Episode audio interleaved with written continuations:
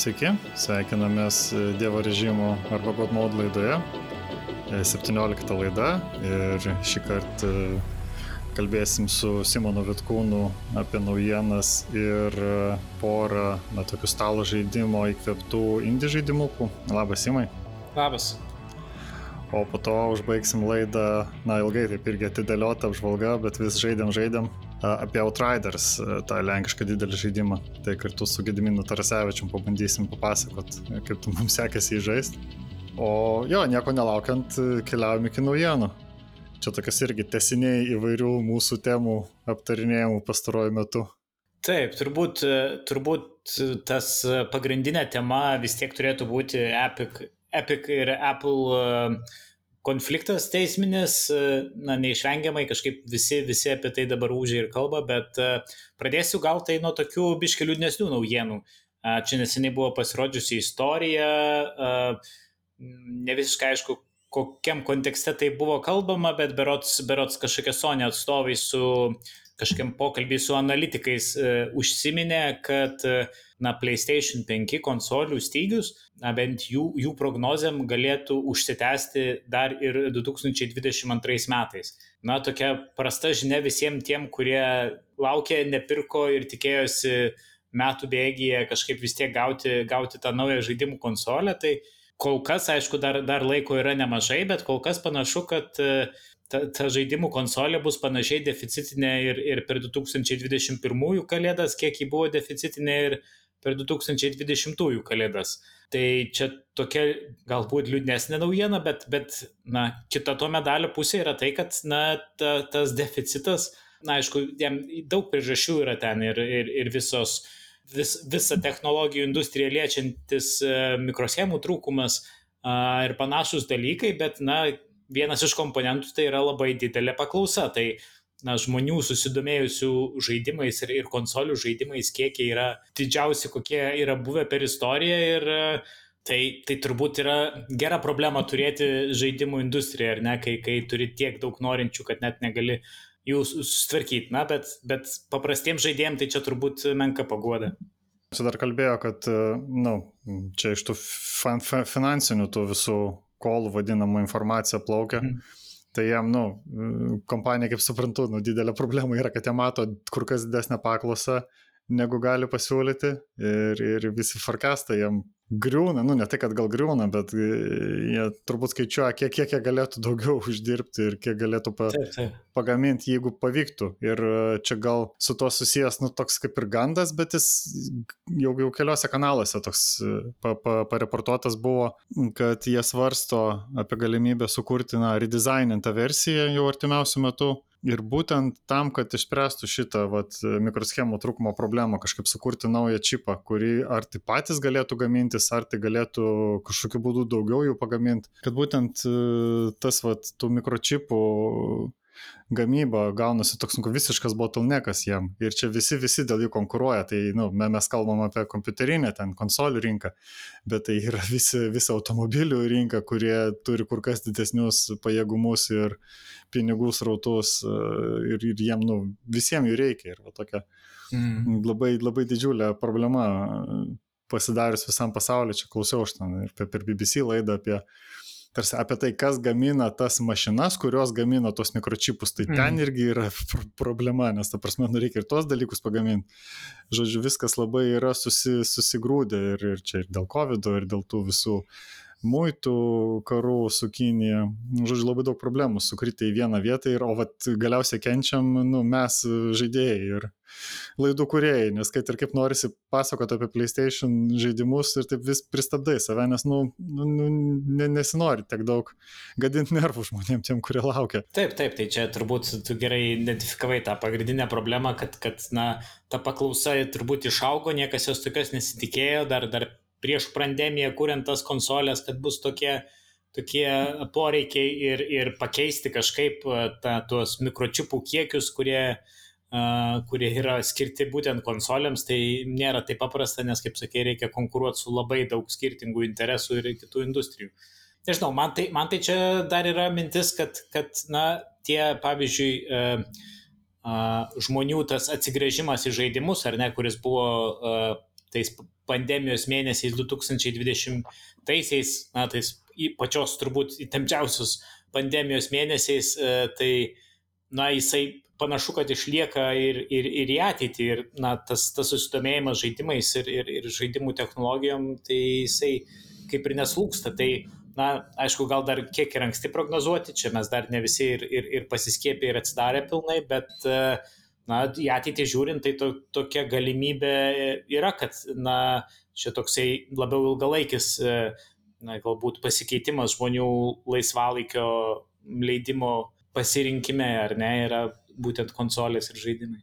Mhm, aš minėjau, man atrodo, kažkada anksčiau, kad vat, labai jaučiasi iš aplinkos, kad tie žmonės, kurie seniau nesidomėjo žaidimais, būtent vat, nuo šitos kartos pradeda domėtis taip plačiau. Nu, ta prasme, jinai ta, ta, tarsi ateina iki to taško, apie ką vat, jau mes kalbėjom nuo senų seniausiai, kad žaidimai tarsi nuprilyginami kitam entertainmentui, kaip filmai, kaip serialai, jie įeina į tą populiarų diskursą ir į populiarę, į populiarę šitą visą agendą, kaip čia pasakyti, Ir, ir tai pabydina, kad e, būtent pristabdo pati, pačios jau techninės galimybės, e, būtent tą vat, plėtrą, to, to mūsų burbulo plėtimą. Tai biški gaila, nu, bet gal kažkaip įsibėgės. Tai kita naujiena šiandien yra irgi dalinai susijusi su naujos kartos konsolėmis. E, tai dabar turbūt yra toks, toks metas, kai na, senosios kartos konsolių didėjai hitai bando išleisti na, naują versiją, atsinaujinusią, gražesnę, na, orientuota būtent į, į, į naujuosius PlayStation 5, Xbox Series X ir, ir panašiai. Ir, ir vienas tų žaidimų yra be abejo Witcheris. Jie lyg ir turėtų tą, tą Witcher 3 Next Gen versiją išleisti iki, iki metų galo, bent jau taip, taip sako šiuo metu. Ir, na, toks įdomus faktas išlindo, kurį aš maniau, kad yra visai smagu aptart. Tai pasigirdo gandų, kad uh, Witcher 3 kuriejai, CD Projekt Red, jie bendrauja su populiariausių modų kuriejais Witcher 3 žaidimui, ypatingai įvairių modų, kurie buvo susiję su žaidimo grafikos, tekstūrų ir, ir, ir, ir visos vizualikos tobulinimu. Na ir kalbos lyg ir eina, kad, kad tie modai galėtų patekti į na, tą next gen versiją, ar ne, ir būti na, supakuoti su, su oficialia, oficialia žaidimo versija kartu. Tai nežinau, ma, mane tai toks labai džiuginantis, sakyčiau, būtų precedentas, nes Na, be abejo, jeigu, jeigu tie modų kuriejai būtų atitinkamai kompensuoti už savo, už savo sunkų darbą ir už tai, kad, kad na, neš pinigus ta nauja Witcherio versija su jų modais žaidimo kuriejai, nes man atrodo labai yra na, daug tokių uh, žymių žaidimų, ypač, ypač RPG žanrė, kurie didelę dalį savo populiarumo ir yra skolingi modams ir, ir, ir modų kuriejams ir įvairių, na, įvairioms bendruomenėms, kurios, kurios e, su tais modais dirba. Ir, na, čia tokia gautųsi labai, e, na, toksai užsidarytų tas ciklas, sakykime taip, kaip naujas būdas e, modų kuriejams gauti tam tikrą kompensaciją, savo darbo pripažinimą ir patekti į kažkokią ar ne kulminacinę Witcher 3 žaidimo versiją. Jo, iš kitos pusės, nu, konsolių žaidėjai galėtų susipažinti su tom įvairiom modifikacijom, kur na, iki šiol paprastai nubūdavo tik tai per PC, tu gali ir ten pakankamai kai, kai kurias, nu, sudėtinga jos, na, ir įsirašyti, ir, ir prisitaikyti ten. Aišku, priklauso nuo, nuo variantų, bet aš atsimenu ten tos E, Oblivion arba šito Skyrimo, mhm. kad ten nu, labai didelę dalį sudarė viso džiaugsmo ant PC. Taip. Tai čia būtų tikrai, tikrai, kaip sakai, labai geras precedentas ir, ir pavyzdys, kaip, nu, toks kaip frame'as, e, frameworkas, ką galėtų sekti ir kiti. Tai labai būtų čia šauniai idėja, jeigu jiem tikrai pavyktų šitas suklyjuoti. Taip, taip, nes šiaip tų, na, norų monetizuoti tos modus e, yra buvę ir anksčiau ir, na, tu, tu paminėjai Bethesdos darbus, tai, tai jie irgi yra bandę visokius modelius, kaip, kaip galbūt ten būtų galima na, kažkaip dalintis tuos pinigus kartu su, su modų kuriejais, kažkokius monetizacijos modelius pasiūlyti ir vis, visa tai dažniausiai būdavo labai prastai priimama bendruomeniai, labai e, neigiamai, o, o čia, na, kaip toksai, e, kaip toksai būdas e, abi, abi pusės patenkinti tiek, e, tiek žaidimų kuriejus, tiek modų kuriejus. Tai, tai, na, aišku, pasižiūrėsim, kaip atrodys ta Witcher 3, 3 Next Gen versija, bet, na, toksai didelis pliusas jai ir, ir, ir papildomas dėmesys turbūt žiūrint į ateitį. Tęsiant naujienas, turbūt neišvengiamai reikia prieiti prie tos Epic versus Epic versus Apple dvikovos. Serialas, serialas tęsiasi, žodžiu. Jo, tai, na, tas teisminis procesas, kiek aš, kiek aš žinau, jisai dar, dar ir kitą savaitę jisai eis, jau dabar jau berots 8 diena šiandien ar, ar net ir 9, labai, labai skirtingai, e, na, sukrenta, kaip, kaip kurią dieną, kokie ten liudininkai apie ką kalbasi ir, ir kiek tai yra susijęs su žaidimais, o kiek tai yra, na, susijęs su kažkokiais bendresniais ekonominiais klausimais, antimonopoliniais klausimais ir panašiais dalykais, nes na, iš esmės iš, iš, iš teisinės pusės žiūrint, tai turbūt ten yra visi pagrindiniai uh, kabliukai ir akcentai sudėti, o tai, kad, kad, kad tai yra na, žaidimas ir žaidimų kompanija, kurie visą, visą šitą širšių lizdą paspardė, tai, tai yra na, toksai gal ir svarbi detalė, bet, bet iš esmės na, toks kaip ir, kaip ir sutapimas iš kitos pusės. Na, jeigu taip trumpai savo tokius pateikus rezume, ką, ką įdomaus e, buvo galima padiskutuoti, paskaityti e, susijusio su, su visais šitais įvykiais. Tai man asmeniškai buvo įdomus na, tas skirtumas, apie kuris buvo aptarinėjamas tarp, tarp iPhone kaip, kaip platformos ir tarp žaidimų konsolių, nes na, pačioje pradžioje buvo lyg ir toksai argumentas, kad na, Fortnite'as yra pardavinėjamas tiek, tiek per Sony parduotuvę, tiek per Xbox parduotuvę, visi jie turi panašias taisyklės, visi jie turi labai apribotą tą savo sienom, aptvertą tą savo darželį, į kurį neįsileidžia kažkokių kitokių savo, nepatvirtintų žaidimų ir, ir neleidžia ten na, atsiskaitimų daryti ne per juos, ne, nesumokant jiem tam tikro mokesčio. Uh, tai, na, buvo visai klausimas, kur čia tas skirtumas, kodėl, kodėl uh, Apple ir iPhone yra blogai, o Sony ir PlayStation yra gerai. Tai, na, lyg ir toksai argumentas, kuris dabar kaip ir išsikristalizavo per tą laiką, kad e, konsolių gamintojai lyg ir buvo žinoma, tai taip neoficialiai, bet dabar jau iš tikrųjų teisme yra na, išsakytos e, tam tikrų e, darbuotojų ir, ir, ir, ir įvairių vadovų e, na, tokie pareiškimai, kad konsolės yra pardavinėjamos su nuostoliu ir, ir konsolių e, gamintojai e, parduodami konsolę, jie iš tikrųjų netenka pinigų ir na, visas biznis yra iš esmės pastatytas ant, ant to, kad na, tikisi, kad žaidėjai nusipirkę konsolę leis pinigus, pirks žaidimus naujus, pirks skaitmeninius žaidimus ir na, visus, visas tas prenumeratas ir papildomas paslaugas mokėdami jie na, atneš įmoniai tą pelną ir, ir kompensuos galbūt tos praradimus, kurie, kuriuos įmonė patiria parduodama tą, tą konsolę, tą, na, tiesiog, na, tą pačią, pačią dėžutę, ar ne. Tai, na, toks gal, gal, gal svarbus momentas, o, o, o, na, kaip teigiama, iPhone jau yra kaip ir pats, pats iš savęs kaip ir pelningas, pelningas telefonas, pelningas produktas. Kiekvieną kartą, ypač prieš konsolių startus ir ypač prieš paskutinius startus, buvo labai skaičiuojama, kokie, kokie bus va tie galutiniai rekomenduojamų tų kainų taškai ir kokia bus savikaina. Ir ten visą laiką tas balansavimas yra ant, ant, ant ribos to tokios visiškos, nes jeigu kažkurioje kartoj buvo, kad ar čia Xbox, man atrodo, One buvo saliginai per brangi mhm. ir jiem tas labai buvo sutrukdė labai startui. Bet šiaip labai gerai, kad viskas jau yra kaip ir oficialiai patvirtinta, tą, ką visi na, spėliodavo ir įvairiuose ten websaituose ten nagrinėdavo tos kaštus.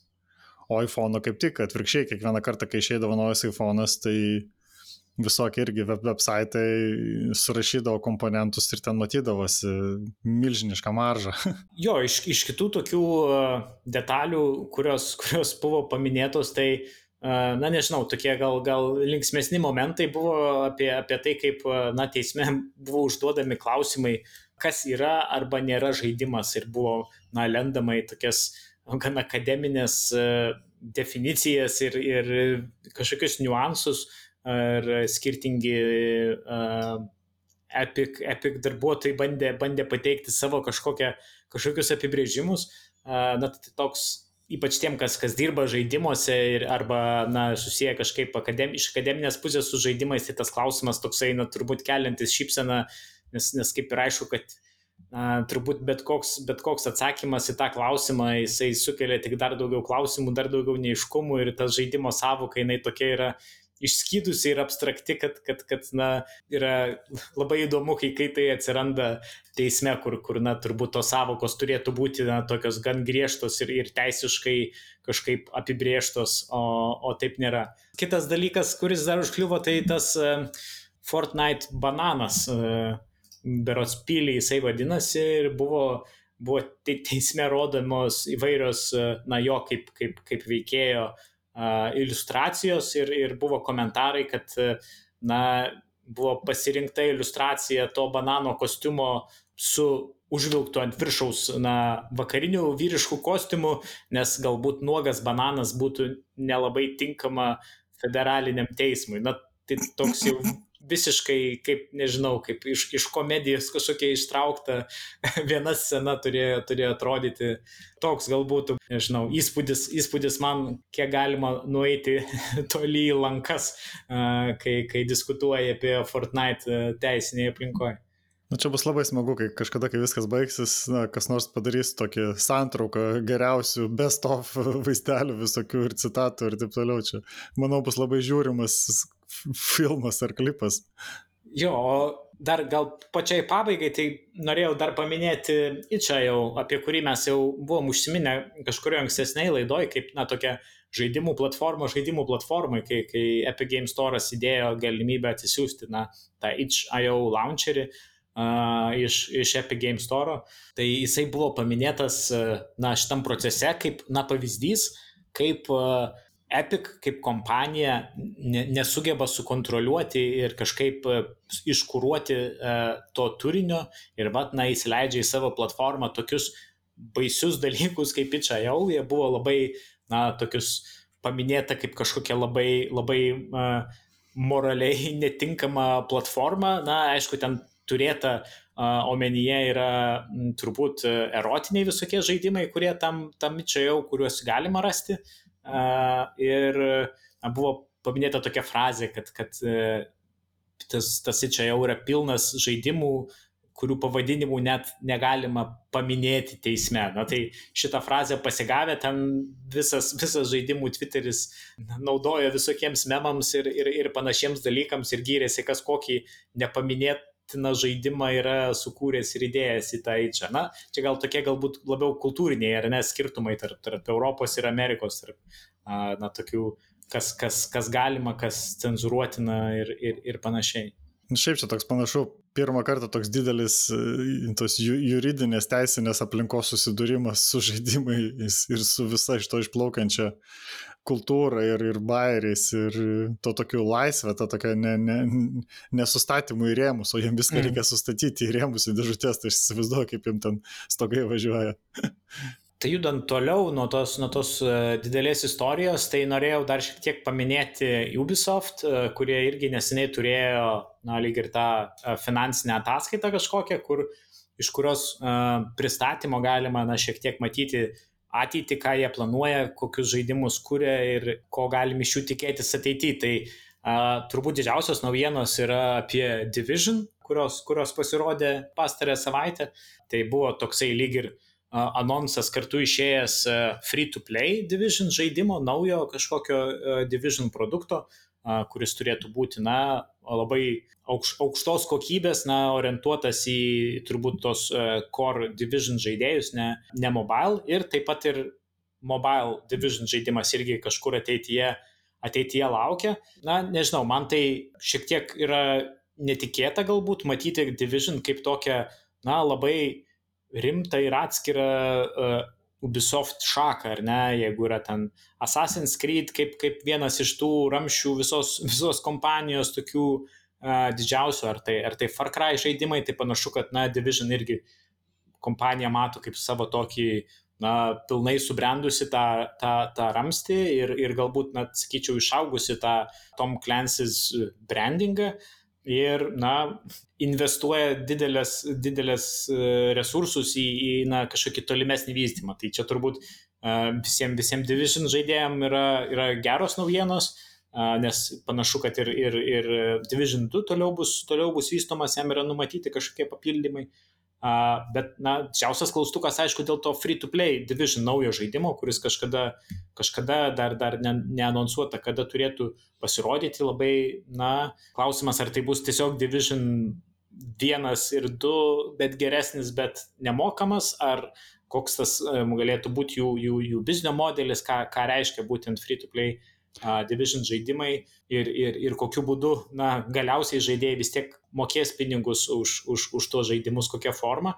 Bet čia turbūt reiktų paminėti, kad, kad šiaip yra pasirodyta dėl tų pačių, aišku, ataskaitų pasirodė pranešimai, kad, na, lyg ir Ubisoft tokia bekintanti yra ateities strategija, kad jie uh, paskelbė norintys fokusuotis į na, tos free-to-play žaidimus, remtis jais labiau ateityje ir, ir išleisti bent po vieną free-to-play, tą, kaip jie sako, high production values free-to-play uh, žaidimą kiekvienai savo pagrindiniai franšiziai uh, ir jie lyg ir norėtų atsitraukti iš to, iš to nusistovėjusio savo grafiko, leisti, na, tikrai labai didelius AAA žaidimus kiekvienais metais nuolatos ir pastoviai.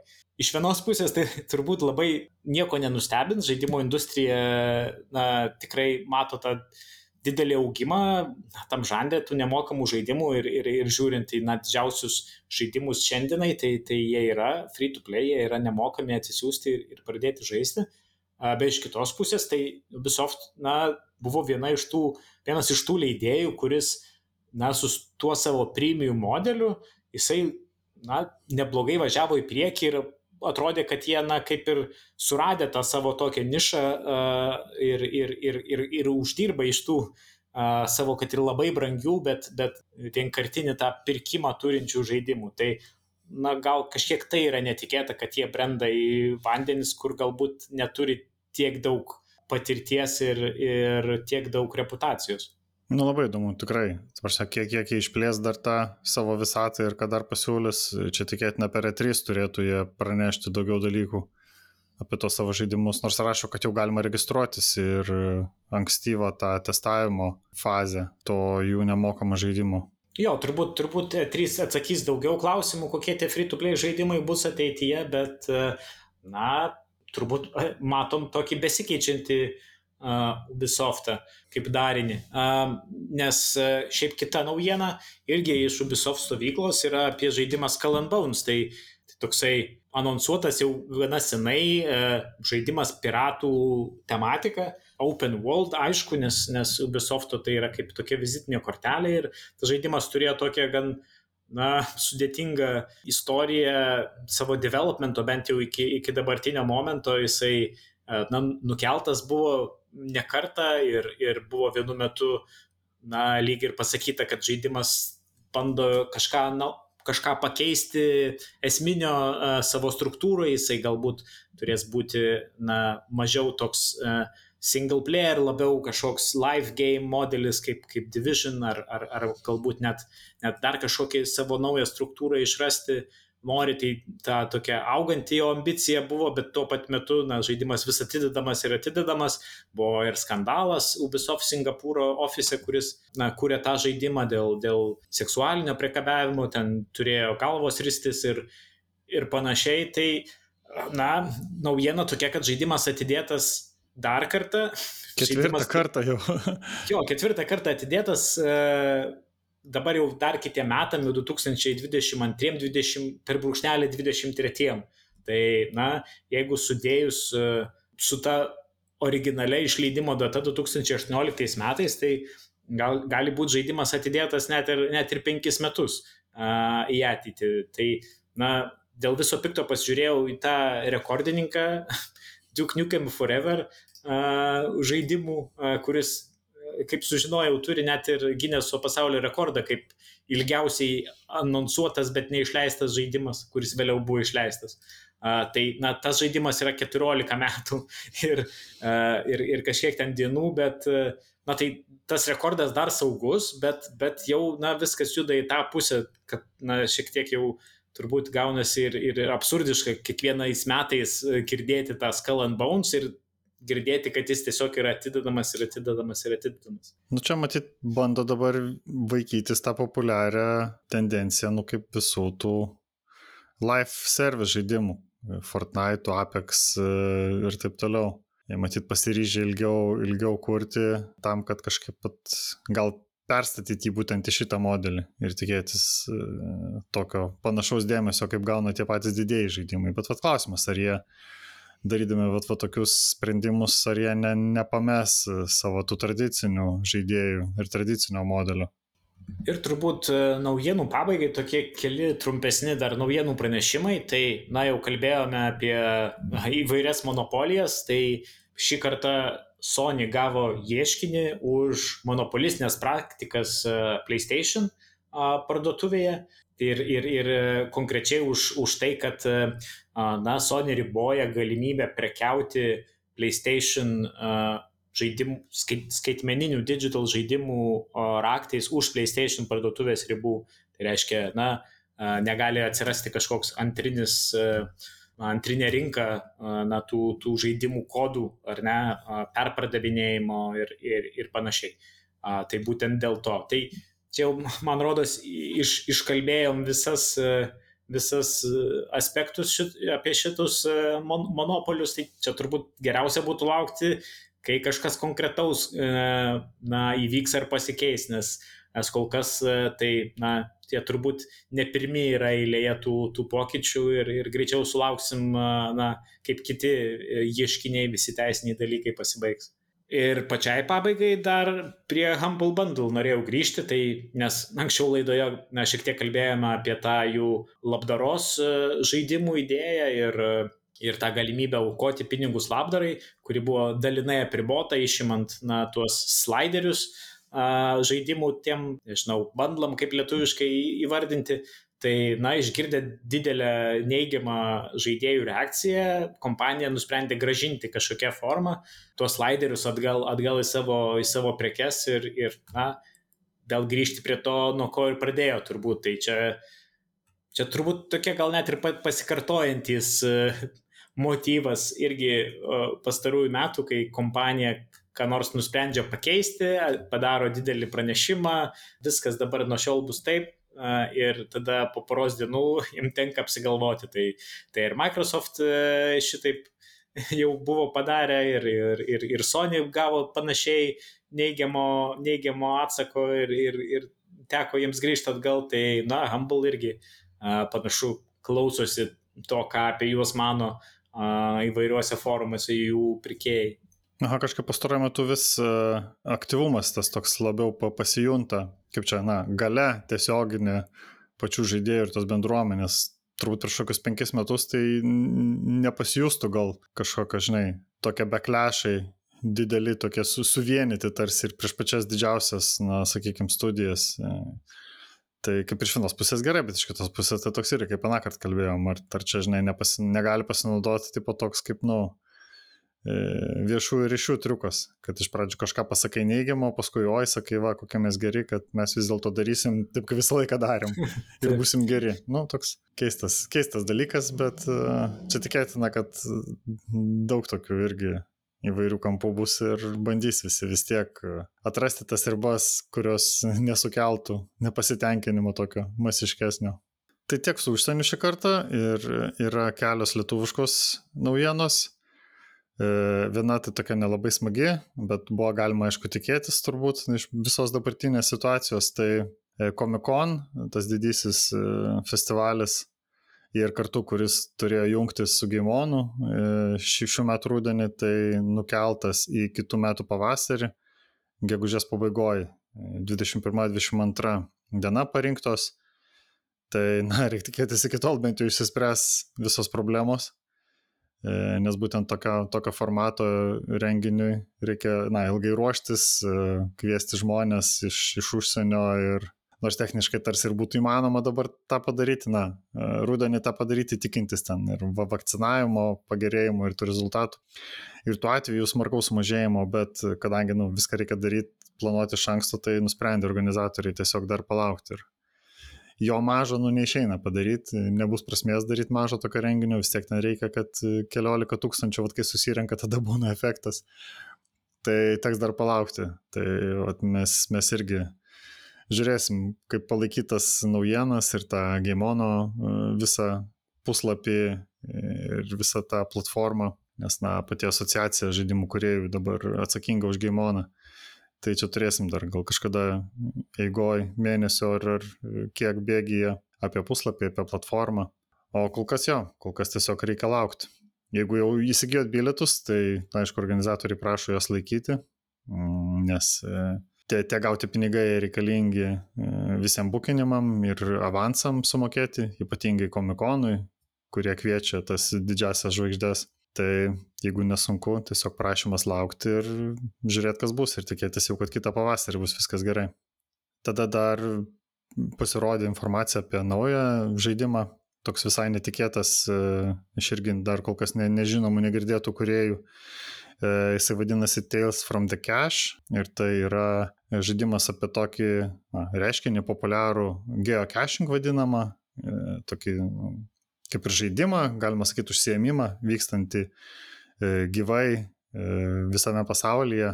Man irgi teko vienu metu ten labiau pasidomėti ir keliose miestuose pasieškoti. Žodžiu, idėja, kad na, pagal GPS koordinates ir pagal įvairias užuominas e, žmonės tiesiog įvairiausiose vietose prislapsto tokių kaip lobių, kaip na, paslapčių vadinamų. Ir tu turėdamas ten tas e, tiesiog mobilų telefoną arba GPS įrenginį, kažkur keliaudamas, eini tiesiog ieškoti jų.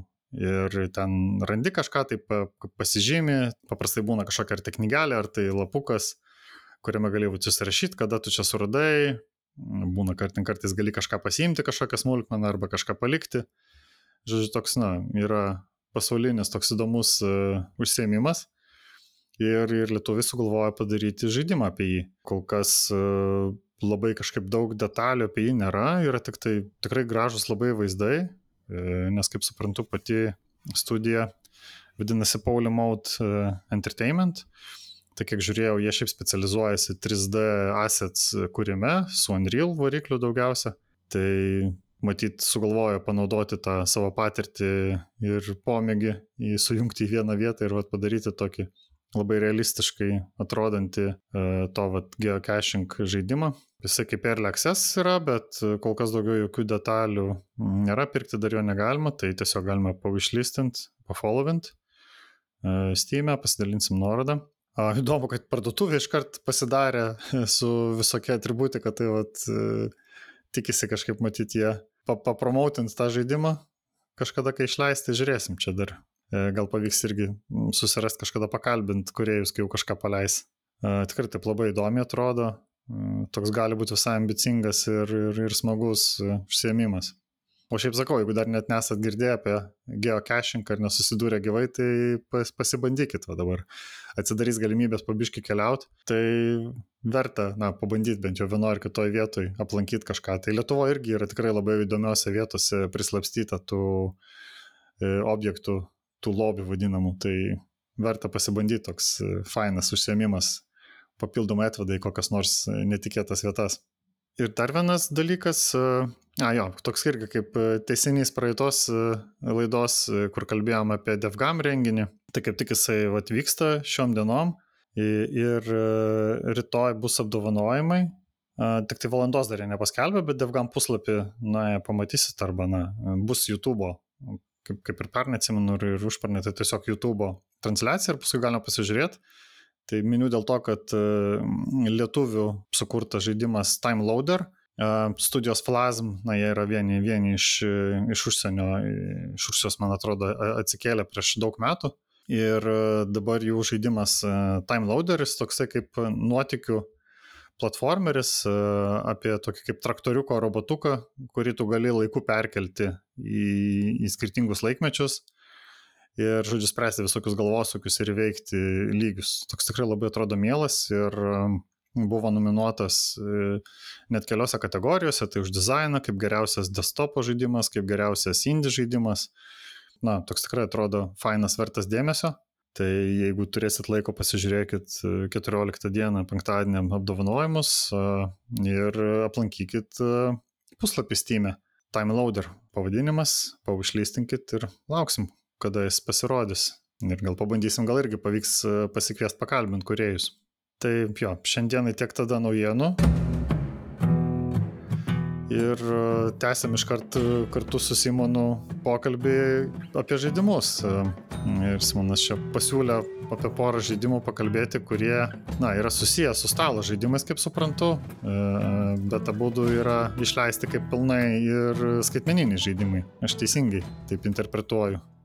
Jo, tu, tu gerai ir tą kategoriją įvardyjai, tai man atrodo, čia tokia, jeigu taip pradėti nuo labai toli šitą visą pasakojimą, tai man atrodo, čia vienas iš tokių uh, reiškinių, kuriuos galim pamatyti, kai, kai auga žaidimų industrija, daugėja žaidėjų, daugėja uh, žaidimų kuriejų, uh, tai, na, be abejo, tie patys didžiausi žaidimai, jie auga, jie tampa brangesni, prabangesni ir, ir, ir labiau įspūdingi, bet lygiai tuo pat metu, na, atsiranda tokios mažesnės žaidimų kategorijos, kurios, na, dabar jau turi pakankamai daug žaidėjų, kuriems jos yra įdomios, kad, na, būtų galima kurti tokio pobūdžio žaidimus ir, ir, ir na, kurti juos gerai ir pasiūlyti kažką, kažką naujo ten. Tai, tai čia ta kategorija, apie kurią aš kalbu, būtų na, digital board games, ar net skaitmeniniai, tikrų,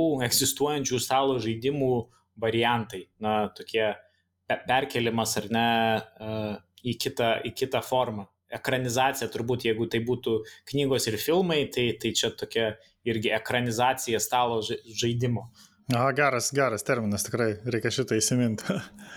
Bet ar nebuvo, kad pradžioj e, tokie žaidimai pirmiausia atsirado e, ant planšečių, ypatingai, man atrodo, buvo tokia banga. Taip, taip, tai, tai čia, nu, aš nenoriu pasakyti, kad tai yra labai kažkokia nauja galbūt kategorija, uh, nes, nes tikrai taip, tie, tie, tie skaitmeniai variantai stalo žaidimų, jie jau kuriami jau daug metų ir, ir netgi, na, kai aš pats pradėjau domėti stalo žaidimais prieš kokią... Pfuh, 17 metų, net tada buvo galima rasti visokiuose shareware puslapiuose kokią nors, na, kartais pusiau oficialią, kartais ir visai neoficialią žaidimo versiją, kurią galėjai na, žaisti ant kompiuterio. Aš atsimenu, labai džiaugiausi, kai radau Monopolį online, ten tokį, nu, ne, neoficialų, bet labai smagu buvo pa, pa, pažaisti, pra, prasimuliuoti. Jo, tai, tai, tai tas dalykas vyksta jau seniai ir turbūt, na, didelė paspirtis buvo uh, planšetės, mobilų žaidimai, tai atidarė naujas platformas, naujus žaidėjus, kuriem, kuriem galbūt nėra tokio didelio intereso, na, sėdėti prie kompiuterio, bet jie, na, turi, turi planšetę, turi uh, telefoną ir jiem įdomus tie stalo žaidimai ir juos gali, na, kitaip žaisti dabar. Bet, uh, na, turbūt, turbūt ta ir mobilių žaidimų rinka šiek tiek nuėjo kitur nuo tų premium žaidimų, tai klausimas yra, kiek daug tų žaidėjų žaidimai susiranda būtent tose platformose. E, nors vienas žaidimų, kur, apie kuriuos aš pasakosiu, jisai yra prieinamas e, tiek, tiek ant iOS, tiek ant Androido, kitas ne. Bet man atrodo, kad čia yra naujas kitas dalykas, kad e, na šitoj kategorijoje atsiranda tokie galbūt ne, ne AAA, bet ekvivalentas, sakykime, AAA žaidimo va šitiem digital skaitmeniniam žaidimams, nes tai yra tikrai labai išpoliruoti, aukštos kokybės e, ir, ir gerai sukalti uh, E, produktai, e, kurie atrodo puikiai, e, veikia puikiai ir, na, neturi tokių tam tikrų galbūt stabdžių, kurie anksčiau buvo su tais skaitmeniniais stalo žaidimais, kai būdavo bandoma išsisukti naudojant vien tik tai stalo žaidimo tą artą vadinamą, ne, nekur nieko pritaikyto skaitmeniniai versijai, nebuvo tam tikros pamokos išmoktos iš kitų uh, kompiuterinių žaidimų, kaip žaidėjai įvesti į žaidimą, kaip jį išmokyti, kaip informaciją kažkaip uh, aiškiai pateikti, kad, kad, kad žaidėjas galėtų sekti tai, kas vyksta žaidime.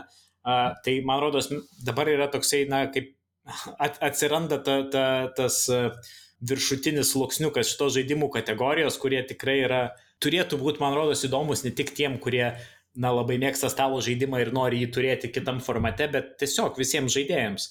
Tai gal čia aš jau labai daug ilgą įžangą padariau, tai žaidimai, apie kuriuos aš norėjau šiandien papasakoti, tai yra Root ir Gloomhaven. Tai du žaidimai, kurie, e, aš tikiu, stalo žaidimus žinantiems ir besidomintiems yra tikrai puikiai girdėti ir žinomi ir galbūt net išbandyti.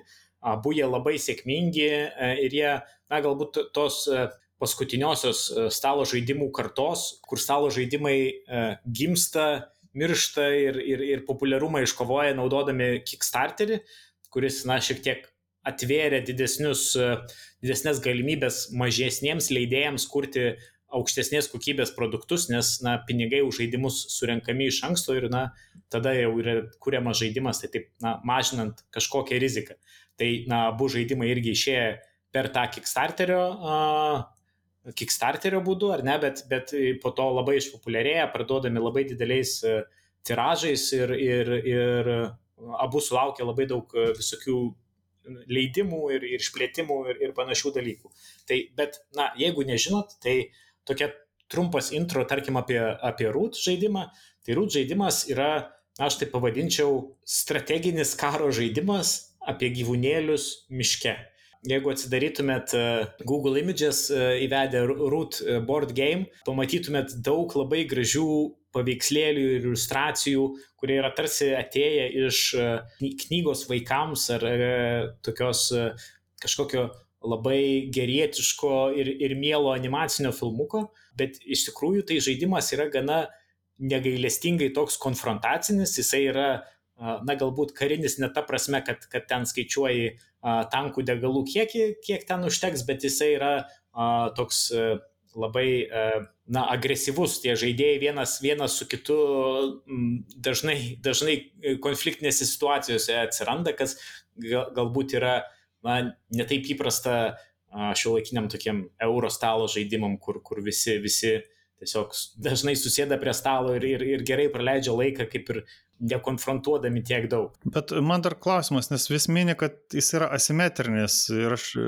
nelabai suprantu, vat, ką, ką stalo žaidimo kontekste vat, reiškia tas asimetrinis, e, gal tu galėtum biškai paaiškinti. Jo, jo, jo, aš kaip tik norėjau prie to pereiti, nes, nes uh, pradėjus nuo tų mielų gyvūnėlių ir, ir jo tokio gal dvilipiškumo, kad jisai toksai gana, gana kietas yra, bet, bet tuo pačiu labai mielas, uh, tai jo kitas toksai būdas, e, kaip jisai išpopuliarėjo, koks tas jo yra, na, kabliukas, kaip jis užkabina, tai kad jis yra visiškai asimetrinis. Tai yra, tam baziniam žaidime yra keturios žaidimo miško gyvūnėlių fakcijos Ir tarp jų yra tam tikri bendri dalykai, kaip jos naudoja tam tikrus žaidimo elementus, na, sunku paaiškinti, nepradėjus ne, ne gilintis į žaidimo taisyklės, bet labai didelė dalis taisyklių yra tiesiog susijusi su kiekviena fakcija atskirai. Na tai kaip pavyzdžiui, e, žaidimo kaip ir tikslas yra surinkti, na, 30 kažkokių pergalės taškų ir e, kiekviena fakcija, na, tuos taškus renka šiek tiek skirtingai. Tai na, yra uh, Markizas Deketas, viena iš, viena iš žaidimo fakcijų, jisai yra toksai industrialistas, jis nori iš miško padaryti tokias didelės industrinės dirbtuvės, tokie, na, new money, sakykime, angliškai turbūt uh, reikėtų jį taip, taip pavadinti. Ir jisai gauna taškus statydamas dirbtuves, lentpjūves, visokius, uh, visokius centrus ant, ant, ant žaidimo lauko. Ir, na, tai yra jo kaip ir toks pagrindinis, pagrindinis kelias į sėkmę. Yra Air Dynasties, tokia žaidimo fakcija pilna įvairių paukščių, ypač plėšrių paukščių, kurie yra, na, tokie tradicionalistai, e, labai konservatyvūs e, ir e, jų pagrindinė mechanika žaidime yra tai, kad jie nusprendžia kažką daryti kiekvieną žaidimo įimą ir kiekvieną žaidimo įimą jie turi atlikti tam tikrus veiksmus, ar ne, jie turi būtinai pastatyti tokį pastatą tokioje vietoje arba būtinai turi perkelti savo kelis paukštelius iš tokio langelio į tokį langelį. Ir kiekvieną įimą jie tą savo na, užsibriežtą ambiciją didina, didina, pridėdami papildomų dalykų, kol galiausiai, jeigu kuriuo nors momentu žaidėjas negali na, tos sąlygos įgyvendinti, ta visa valdžia paukščių žlunga, viskas, viskas išmetama, išrenkamas naujas lyderis ir jam reikia, pradėti mažai žingsneliais nuo nulio lipti į viršų. Na tai čia, tarkim, dvi tokios pagrindinės jėgos žaidime, ar ne, tokios gan, gan tradicinės fakcijos, bet uh, likusios yra dar labiau kitokios, ar ne, yra, pavyzdžiui, yra Woodland Alliance, tai čia yra tokie miško partizanai, kurie nemėgsta nei vienos, nei kitos iš pirmų mano dviejų minėtų pusių ir jų pagrindinė mechanika yra, kad jie bando surinkti palaikymą tarp kitų miško žvėrelių. Ir jie a, bando agituoti, bando dėlioti tokius savo palaikymo žetonėlius, kad, kad apsunkinti visiems kitiem veiksmą žaidimo lentoj ir, ir, ir padėti savo tuo pačiu. Ir tam tikrais momentais į žaidime gali išleisti kažkiek kortelių ir sakyti, sukilimas ir staiga vietoj ten didelio markizo deketo lentpjūvių ir, ir uh, dirbtuvių komplekso viskas nugriaunama ir pastatomi na, šitie partizanų sukilėlių barakai. Na tai yra, naudojant tuos pačius žaidimo elementus, yra visiškai e, kitas, kitas būdas, kitas kelias į pergalę, bet na, visi tie žaidėjai saveikauja labai intensyviai tarpusavyje, ar ne, kiekvieno žaidėjo laimėjimas yra kito žaidėjo nesėkmė ir, ir, ir panašiai. Tai toksai labai unikalus šiaip žaidimas ir labai, labai įdomus iš mechaninės pusės. Kaip skaitmeninis stalo žaidimas, aš manau, kad jis yra na, puikiai padarytas, aš apie tai jau minėjau, bet uh, turbūt tai, ką reikėtų paminėti, uh, jeigu žiūrėtume į šitus skaitmeninius stalo žaidimus ne kaip į ekranizaciją ar kažkokį bandymą labai tiksliai perkelti na, žaidimą vienoje formoje į kitą formą, tai turbūt reiktų paminėti, kad uh, šitų kompiuterinių stalo žaidimų privalumas yra tas, kad jie be galo sutrumpina laiką, kurį tu praleidi žaisdamas ir laukdamas savo ėjimo ir, ir, ir panašiai. Tai be abejo, kadangi prie, prie stalo susirinkę pažaisti rūt e, keturi žmonės e, vis tiek turės laukti, kol vienas ar kitas pabaigs ėjimą, kol kažkokie taisyklių klausimai iškyla, taip toliau. Tai tie žaidimai, na, nori, nenori jie užsitęsia. Ypač, kai yra toksai, na, gana mechaniškai sudėtingas žaidimas, kur kiekvienas žaidėjas veikia skirtingai ir, na, tuos skirtumus reikia žinoti, net, net ne, tik, ne tik tam, kuri žaidžia ten už, sakykime, sukilėlius gyvūnėlius, bet, bet ir kitiems žaidėjams jam reikia suprasti, kaip tu elgiesi, kad kaip tavo, kaip tavo fakcija tą veikia, kad na, mes galėtume tau kažkaip sutrukdyti. Tai kompiuterinis žaidimas tą laiką na, suspaudžia iki, iki tiek, kad tu tą žaidimą gali tikrai labai greit sužaisti. Aš uh, pastarę savaitę žaisdamas, na, praleisdavau 15-20 minučių tą vieną žaidimo partiją sužaisti, kai, na, turbūt gyvai prie stalo žaistume pusantros valandos, dvi valandas, nes, na, nebelieka to laukimo laiko, visi tavo kompiuteriniai varžovai greitai padaro savo sprendimus, viskas, viskas greitai suvaikšto ir tu vėl grįžti į tą, į tą savo įmo pradžią, kai vėl gali kažką įdomaus daryti, kažką kažką spręsti, tai tas žaidimas iš tikrųjų labai pasikeičia, kai, kai tu gali žaisti tokiu būdu, nes daug daugiau dėmesio tu tada gali skirti į tą strategiją, tą taktiką ir, ir na, iš tikrųjų taip gal skambės sausai, bet, na, įsigilinti į tą, į tą žaidimo mechaniką, kaip jis veikia, ką geriau kada daryti ir, na, jausti tą tobulėjimą savo žaidime, ar ne, kad aš išmokstu, aš perprantu, aš, aš tampu geresnis žaidėjas, kas, na, turbūt realiam pasaulyje tai gana sunku sukurti tokias sąlygas, kad tu galėtum tiek daug kartų sužaisti tą žaidimą ir dar, kad ir kiti žaidėjai turbūt atlieptų tą tavo augantį, augantį meistriškumą ir irgi tau turėtų pakankamai gerą iššūkį galėtų suteikti nes tai užima tiesiog labai daug laiko ir, na, susiorganizuoti sunku, na, apie organizavimą stalo žaidimų pandemijos metu aš jau iš viso nekalbu, nes tai čia, čia dar, dar viena liūdna tema, ką atėmė, atėmė pandemija iš mūsų.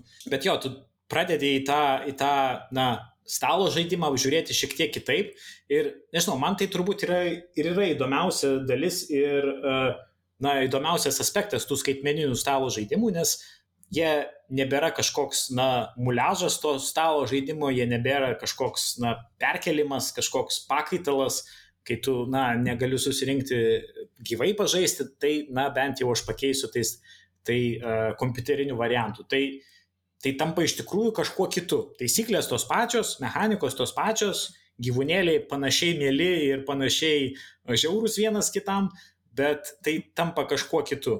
O kaip, e, norėjau dar paklausti irgi, va čia yra ir abiem žaidimam, ir šitam, ir kitam bendras turbūt klausimas, e, kiek jį lengva perprasti ir pradėti, jeigu tu nesižaidęs stalo žaidimo versijų? Jo, jisai jį perprasti, perprasti, aš manau, nėra sunku. Žaidimas turi visą, visą eilę tokių labai pažingsnių einančių tutorialų, tų mokomųjų scenarijų, kur tu žingsnis po žingsnio gali, gali suprasti, kaip veikia vienas žaidimo aspektas, kitas žaidimo aspektas ir, ir taip, na, susikurti tą tokį pilną paveikslą žaidimo. Tai, tai ta dalis tikrai yra gera, bet E, iš kitos pusės, tai, na, tas žaidimo mokymasis, jisai, kai tu tai darai gyvai, tai jisai yra labai atsakingas momentas, ar ne? Kažkas atsisėda, paaiškina visiems taisyklės, reikia, kad visi žaidėjai gerai suprastų, kaip veikia, nes jam patiems reikia visus tuos veiksmus daryti, reikia svarbu nesuklysti, jeigu kas nors nežinojo, kokios nors taisyklės pamiršo ir, ir, ir staiga po dviejų valandų žaidimo jūs išsiaiškinat, kad kažkas galvoja, kad visiškai kitaip šitas dalykas veikia ir dabar, dabar jisai dėl to pralošia ir dabar viskas yra blogai. Tai kai tu turi tą tokį labai suspaustą žaidimo patirtį, kuri trunka trumpai, tai tu nebijai eksperimentuoti, nebijai, na, pabandyti. Kas bus, tas bus. Vis tiek žaidimas yra trumpas, neįdomu, tiesiog paimsiu quit new game ir žaidžiam iš naujo ir aš dabar jau kažką geriau žinau ir suprantu, ko tu visai negalėtum padaryti prie stalo, ar ne, kas nors nusakytų, nu, nu Richardai, tu mes jau pusantros valandos žaidžiam, mes nepradėsim dabar iš naujo žaisti vien dėl to, kad tu nori kitaip kažką pasielgti. Yra, yra buvę tokia situacija. tai va, tai ir, e, na, ir plus, aišku, e, kompiuterinis žaidimas tas visas taisyklės už tave supranta, už tave visas taisyklės palaiko ir tau parodo, paryškina, va, žiūrėk, šiuo momentu tu gali daryti šitus dalykus. Po to tu galėsi daryti šitos dalykus. Tai, na, tas informacijos išdėstymas jis irgi labai padeda, net jau kai ir na, pereini tuos tutorialus, kad tu tiesiog na, kiekvienu žaidimo momentu žinotum, kas dabar svarbu, į ką atkreipdėmėsi ir panašiai. Tai čia gal reiktų net atvirkščiai daryti, pirmą pažaisti kompiuterinius variantus, o tada, jeigu patinka, nusipirkti tikrą. Aš manau, tai nėra blogas, blogas sprendimas, išskyrus turbūt, kad pakankamai daug pažaidus kompiuterinio varianto, turbūt nenorės nauji žaidėjai su tavim sėsti prie vieno stalo, nes, nes nei tau bus tiek pat įdomu e, žaisti prieš pirmą kartą žaidžiančius, nei jiems bus uh, na įdomu, kai tu ten... Ai, nu jo, čia nebent tavo... kartu iš karto pirkti su tais taip, potencialiais taip, taip. gyvai žaidėjais. Jo, tai šiaip visi žaidimai, jie turi tą, tą online funkcionalą, jie turi tą pass and play funkcionalą, kaip ir vieno kompiuterio kartu žaidžia, tai na galbūt tokie galėtų būti irgi kažkokie kompromisiniai metodai. Na, bet kaip aš sakiau, aš tai žiūriu į tai labai, e, na, iš tos pusės, kad, na, tai yra kažkas kito, tai nėra tas pats, bet tai yra kažkas, kažkas kito, ką aš galiu vertinti atskirai nuo, nuo, nuo, nuo stalo žaidimo. Tai, na, aš net nežinau, ar aš kada gausiu na, tą rūt pažaisti gyvai, bet, bet na, su, su skaitmeniniu aš turiu, turiu puikų, puikų laiką. Tai gal tada e, perinant prie, prie to antro žaidimo Gloomhaven, Gloomhaven yra e, toks dungeon crawling epinis stalo žaidimas, kurį na, išleido į labai didelę sėkmę žaidimų dizaineris Isaac Childress. Jisai jau sulaukęs yra daug įvairių ir, ir, ir, ir e, leidimų skirtingų, yra ir, ir Frosthaven, ir papildymai įvairūs. Ir, na, tai turbūt primena tuos nežinau, 80-ųjų, gal 90-ųjų tokius žaidimus, kur daug, daug plastikinių figūrėlių, daug, daug tokio, na, akivaizdaus konflikto, ar ne, yra, yra monstrai, yra lobiai, yra mūsų uh, drąsių narsuolių kompanija ir, ir, na, ką padaryti reikia, yra gana akivaizdu tam scenariui. Uh, na, bet tai viskas įvilkta į tokį, na, uh, modernaus stalo žaidimo dizaino rūbą, viskas e, supaprastinta, suaiškinta, visos žaidimo sistemos labai, labai šauniai tarpusavį veikia, nėra kažkokių pašalinių sistemų, kurios yra na, pridėtos vien tik tam, kad kažkokį suteikti realistiškumą, viskas na, sukoncentruota į tą, tą žaidimo patirtį. Man asmeniškai didžiausias trūkumas, kodėl aš žaidžiu Gloomhaven skaitmeninį, o ne gyvą, tai yra tai, kad žaidimas e, yra be galo didelis ir labai brangus. E, tai, na, nežinau kaip kitiem, bet man gyvenant mažose lietuviškose būtuose ir norint turėti kažkiek stalo žaidimų namie, tai ta problema, kur juos reikia dėti, yra na, labai aktuali ir vienas labai didelis stalo žaidimas užima vietą turbūt penkių kitų, kuriuos aš galėčiau, na, įsigyti vietojo. Na, skaitmeninis, aišku, variantas, jisai nei, nei vietos daug užima, nei turi kainuoti 140 eurų tam, kad, tam, kad jį pažaisti. Tai jo tokie turbūt patys didžiausi privalumai, bet ir šiaip, na, tas žaidimas toks uh, tikrai padarytas uh, ne, neatmestinai, uh, turi daug ir, ir unikalių 3D modelių, unikalių lygių, animacijų, kurios, na, akivaizdu, kad kurtos būtent šitai skaitmeninį versiją, o ne kažkaip ten pasiskolintos iš, iš to, ką turėjo kuriejai sukūrę stalo žaidimą. Tai pati pagrindinė to, to žaidimo mechanika yra, na, žaidimas yra kooperatyvus, tai reiškia visi, visi žaidėjai prie stalo siekia bendro tikslo nugalėti ten kokius nors monstrus, net su tais monstrais kaunasi, po kovos gauna kažkokius e, level upus, upgrade'us, naujus ginklus, na visi tie dalykai, kuriuos, na turbūt esame įpratę matyti RPG žaidimuose, ar tai būtų prie stalo, ar tai būtų kompiuteriniai RPG žaidimai, bet, na, ta, ta pagrindinė, pagrindinė mechanika pačio žaidimo metu yra tai, kad kiekvienas uh, veikėjas tame žaidime turi eilę kortelių, uh, kiekviena kortelė turi du skirtingus veiksmus, ir kiekvieno įmo metu žaidėjas išsirenka dvi korteles ir iš kiekvienos tos kortelės po vieną iš tų veiksmų, kur, na, vienas viršutinis veiksmas dažniausiai būna ten atakuoti, ką nors smūgiuoti ar, ar, ar panašius dalykus daryti, antras būna dažniausiai judėti, apsaugoti, na, čia jeigu taip apibendrinant, bet aišku, ten yra daug visokių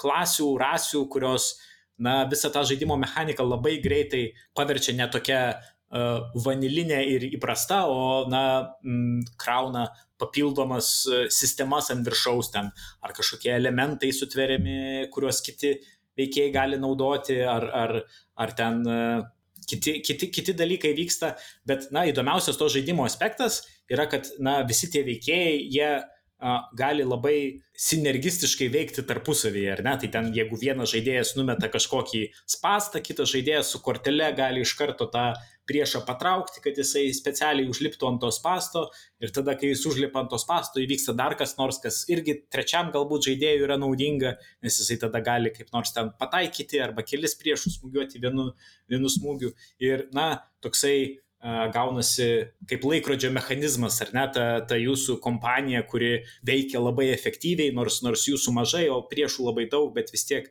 na, kaip tokį galvosūkį galima išnarplioti, ką kas kada gali daryti ir, ir kur judėti. Tai, na, šiaip aš turiu, turiu pasakyti, džiaugiuosi, kad tą žaidimą išbandžiau, manau, kad tai yra labai, na, iš dizaino pusės labai, labai įdomu, įdomus dalykas ir įdomus žaidimas ir na, man, man mėgstančiam tokias labai galbūt uh, sistemų, tokius pilnus žaidimus, man tai tikrai buvo į mano, kaip, uh, kaip sakant, uh, varpinę pataikė, pataikė gerai viskas, bet yra viena problema, kai žaidi skaitmeninį Gloomhaven, nes kai, na, bent jau aš įsivaizduoju, kai tu, kai tu žaidži gyvai ar ne, su kitais žmonėmis prie stalo, kiekvienas iš jūsų turit uh, po kažkokį veikėją, turi tas savo korteles, kurias na, visą laiką laikot rankoj ir, ir, ir galvojat galbūt ir, aišku, apie visą kažkokį, e, visą lygį, kaip kas kur stovi, bet, na, susikoncentravę į tą, į tą vieną veikėją, ką jis gali padaryti, ką jis galės kitą įmą padaryti ir na, visą tą informaciją laiko to menį. Kai žaidėjai Gloomhaven vienas, aš turbūt manau, ta pati problema yra ir jeigu fizinį variantą bandytum žaisti vienas, nes, na, iš esmės taip galima, uh, taip galima įžaisti, Tai visą tą informaciją keturių skirtingų veikėjų, kiek, kiek daugiausiai gali būti ta, ta vienam scenarijui, reikia laikyti vienam savo kartu. Neišeina to, kaip sakyt, nežinau, outsourcinti to galvojimo apie tai, ką galėtų padaryti šitas veikėjas kažkokiam kitam žmogui. Ir, ir nėra tų tokių momentų, kai tu, na, sakai, na, aš, aš galiu smūgiuoti čia ir tada šitas monstras nugrius ten ir tada kitas žaidėjas gali sakyti, oho, puiku idėja, tada aš galiu padaryti tą, tą ir aną ir, ir mūsų tie veiksmai, na, susijungia į kažkokį, kažkokį, nežinau, efektyvų, efektyvę choreografiją tos kovos, ar ne. Tai visą tai reikia pačiam galvoti, pačiam žiūrėti, tu vietoj tų, nežinau, ten 11-13 kortelių, kiek tas veikėjas jie skirtingai turi rankoje, tu dabar jau turi kart keturi tie kortelių, į kurias visas irgi tau reikia turbūt peržiūrėti, prisiminti, ką tu galėtum teoriškai daryti. Na ir tas žaidimas tada šiek tiek praranda tą savo tokį žavesį, nes tiesiog turėdamas šitiek daug informacijos vienu metu tu pradedi daryti mažiau optimalius sprendimus vien tik tam, kad padaryti kažkokį sprendimą, nes, na, sėdėti ir, ir, ir, ir strateguoti tą vieną įimą, tu tiesiog pusvalandį laiko, tai, tai ir išsekins, ir, ir, ir džiaugsmo jokio nesuteiks, tai tu jį pradedi žaisti, na, šiek tiek kitaip ir šiek tiek gal, gal kvailiau ir, ir, ir tiesmukiau, tai, na, aš pats tą pajutau, kad aš na, gal neišnaudoju tų visų žaidimo sistemų, tokių šaunių, kurie, kur žaidimo kurie yra prikūrę, pristatę ir, ir jas visas sujungia į tokį vieną, į tokį vieną darinį, tai turbūt ta, ta patirtis, na, žaidžiant vienam tą skaitmeninį Gloomhaveną, na, šiek tiek nusileidžia tam uh, tikro žaidimo variantui. Aišku, yra būdai žaisti kooperatyviai su kitais žmonėm, online, tai turbūt tas problemas šiek tiek pagerintų, Bet kaip sakiau, aš bandau žiūrėti šiek tiek labiau iš tos pusės, kaip, kaip, kaip man vienam pažaisti tą, tą stalo žaidimą, o neturėti kažkokį pakaitalą tikrosios patirties, bet, bet e, kompiuteriniu formatu. Tai mano tokia gal labai atsargi rekomendacija, tai aš kaip, kaip ir sakiau, čia turbūt yra tų kompiuterinių stalo žaidimų AAA ekvivalentas, na, tas Gloomhaven ir tas Root. A, tikrai šaunus, šaunus dalykai ir, ir tikrai labai įdomu ir manau, kad a, jeigu nežinojot, tai verta bent jau užmest akį, bet turbūt yra tam tikrų kabliukų, kuriuos, kuriuos jeigu aš rūt labai visiems uh, siūlyčiau žaisti, tai, tai turbūt su Gloomhaven galbūt uh, nepulčiau, nebent jūs turit uh, na, draugus, kurie gali jum visam tam sisteminiam, mechaniniam visoje toj sriuboj ne, padėti nepaskesti. Na tikrai, jisai toks atrodo, jau, jau tik užmetų sakė, atrodo labai sudėtingas ir daug ten visko jame yra, e, nors įvertinimai tai rodo, kad labai labai geri. E, ir, ir daug jų, vat, kas, kas, kas fainiausia, kad Steam tikrai labai daug gerų įvertinimų. Jo, tai kaip ir, kaip ir su Root, tai, tai turbūt didelį, didelį darbą atlieka ta skaitmeninė versija, kad, na, į visą tą jūrą visokių žetonėlių, kortelių, upgrade'ų, priešų figūrėlių, jie, na, padeda suvaldyti ir tas žaidimas jam nereikia išsprokti iš, iš savo dėžės ir uždengti viso stalo ir, ir, ir tai yra tikrai didelė laiko investicija, na, bent jau kiek, kiek aš žiūrėjau žaidėjų atsiliepimų, kiek laiko užtrunka tą žaidimą ištraukti iš dėžės ir sudėlioti taip, kad jau galėtum žaisti ir po to, kai pažaidėm, sutvarkyti viską atgal į dėžę, kad galėtume po to žaisti kitą kartą. Tai čia jau yra turbūt valanda pusantros papildomo laiko vien tik tai šitą, šitą darbo dalį pasidaryti. Tai be abejo, tas, tas skaitminė versija, na, nudirba tokį, tokį darbą, tą, tą priartinti patirtį arčiau prie žaidėjo, kad jam nereikėtų galvoti apie visą tą logistiką ir visus tos žetonėlius ir, ir, ir figūrėlės, o, o jisai galėtų tiesiai šokti na, į tai, kas yra iš tikrųjų įdomu. Tai tas, tie mūšiai, tie, tie veikėjai skirtingi ir, ir, ir visokie uh, visokio tarpusavio jų na, interakcija. Ja, nes kaip, kaip rašė, kad ten ta dėžė žaidimo, ar tai 10 kg sveria, ar tai kažkas tokio, kad nu, ten milžiniškas dalykas. Taip, taip, jeigu, jeigu ne, nesat matę didelio stalo žaidimo dėžės, tai turbūt pirmą kartą ištinka lengvas šokas, kad viskas šitoj dėžėje yra vienas stalo žaidimas. Dar šiaip įdomu, kad jisai vis dar early access'e, nepaisant to, kad jau visai senokai kūriamas, bet matyti reiškia, kiek yra daug turinio, kad jį turbūt jį pobiškai klyjuoja ir, ir kartu su žaidėjais turbūt dar, na, tobulina ir ten modifikuoja. Taip, taip. Uh, tai čia jie turbūt nuėjo tokiu m, galbūt labiau tradiciniu tų indie studijų keliu, tie žaidimų, žaidimų studija, ta Flaming Foul, jie pradėjo žaidimą nuo gana tokio mažos apimties, mažai tų veikėjų ir, ir, ir mažai tų scenarijų ir, ir laipsniškai kas, kas keletą mėnesių daro pakankamai didelius papildymus, pridedami vis daugiau turinio iš žaidimo ir, na, galiausiai lyg ir užbaigus šitą procesą Early Access, lyg ir turėtų būti, na, kaip ir pilnas komplektas to, to ką tu gauni su Gloomhaven, tai yra ta pagrindinė uh, kampanija žaidimo. Dabar, dabar žaidėjai tokios, uh, kaip ir tarpusavį surištas, bet, bet nedidelės misijas vykdo, uh, kurios turi ten tarpusavį kažkokius, na, nuo vienos prie kitos einant random encounterius, bet, bet tai kažkokia vientisa istorija nesusilipdo, o, nu, vad, galiausiai turėtų pasirodyti tas, tas papildymas, kuris, na, uždeda tą vyšnę ant torto ir visa, visas tas sistemas sujungia į kažkokią vieną istoriją, vieną kažkokią naratyvinę kampaniją, kur jau, na, būtų turbūt patirtis, patirtis nuo A iki, iki Z. Bet dar ką prisiminiau, norėjau paminėti apie kadangi prakalbom apie studijas apie Root žaidimą kūrinčią studiją, vadinasi jinai Dire Wolf ir jie yra labai įdomus iš tos pusės, kad jie yra vienu metu ir kompiuterinių žaidimų studija, ir stalo žaidimų leidėjai. Tai jie, jie kaip, kaip kompiuterinių žaidimų studija, turbūt turėdami patirties toj srityje, jie daro stalo žaidimų adaptacijas, na, tokias kaip Root kitiems leidėjams, bet tuo pat metu yra patys ir leidėjai stalo žaidimų ir yra išleidę, pavyzdžiui, visai nesiniai Dune Imperium, tokį, tokį kortų žaidimą Dune visatoje, kur irgi tokius neblogų atsiliepimų sulaukia iš, iš, iš stalo žaidimų mėgėjų. Ir dar trečias, tre, trečia jų skiltis yra, kaip jie vadina, uh, digital uh, originals, kur, kur, na, kaip ir stalo žaidimai, uh, bet jie niekad nebuvę stalo žaidimais, jie yra sukurti na, iš karto skaitminiai platformai, tai jie turi tokį uh, Eternal uh, kortų žaidimą išleidę. Uh, bet, uh, na, tiesiog pasirodė labai įdomus toksai studijos mo modelis, ar ne, kad jie į, į turbūt tris skirtingus piragus vienu metu įkišę pirštą ir, ir, ir na, suradę tą tokią, tokį būdą sujungti tuos, tuos du žaidėjų pasaulius, tuos, kurie domisi uh, stalo žaidimais ir tos, kurie domėsi kompiuteriniais. Tai ką, dėkui Simai, kad pasidalinai, tikrai čia tokia labai įdomi ta tema, čia labai daug, man atrodo, būtų galima gilintis ir ieškoti ir, ir, ir to, tos variantus bandytis stalo žaidimų ir tų skaitmeninių jų versijų.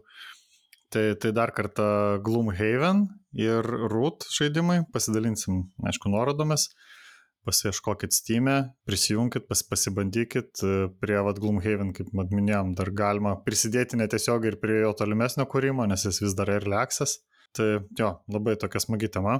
E, dėkui tada dar kartą. Nėra už ką. Ir e, jo, susi, susigaudom tada po savaitės. Pakalbėsim, kas toliau vyksta. O mes keliausim į paskutinę laidos dalį. Keliavam prie paskutinės laidos dalies ir šį kartą pakalbėsim apie žaidimą Outriders kartu su Gediminu Tarasevičium. Labas. E, sveiki. Aš kažkaip vis atidėliojom šitą įrašą ir šitą pokalbį, nes e, labai tikėjausi spėt pabaigti. Outriders šiaip labai didelis žaidimas man pasirodė. Kaip tau, ar tu ilgai žaidėjai, jau na, seniai sekėjai apie jį naujienas? Na, nu, naujienas sekiau nuo, nuo pirmų tikriausiai, nuo pirmo paskelbimo. Aš tik tai tą pradinį įspūdį, kol dar buvo marketingo medžiaga, aš galvojau, kad čia jie eis iš vis kažkokiu tai free-to-play modeliu ir tai bus kažkoks tai, na, visiškai online žaidimas ir, ir sus, ir yra tam tikra teorija, kad galbūt yra tam tikros sistemos, kuris leidžia daryti kažkokie likučiai, kurie galbūt leistų daryti kažkokias prielaidas, kad jie galvoja apie galbūt e, tokį modelį, bet sakau, aš turėjau pradinį įspūdį šiek tiek kitokį, aš galvoju, kad tai yra, na, nežinau, Valorant tipo žaidimas, turiu menį toks visiškai full on online ir competitive. Mhm. Ir tik paskui jau, kai pradėjo artėti jau išleidimo diena, aš jau šiek tiek tada giliau, giliau pradėjau žiūrėti, kas tai per žaidimas.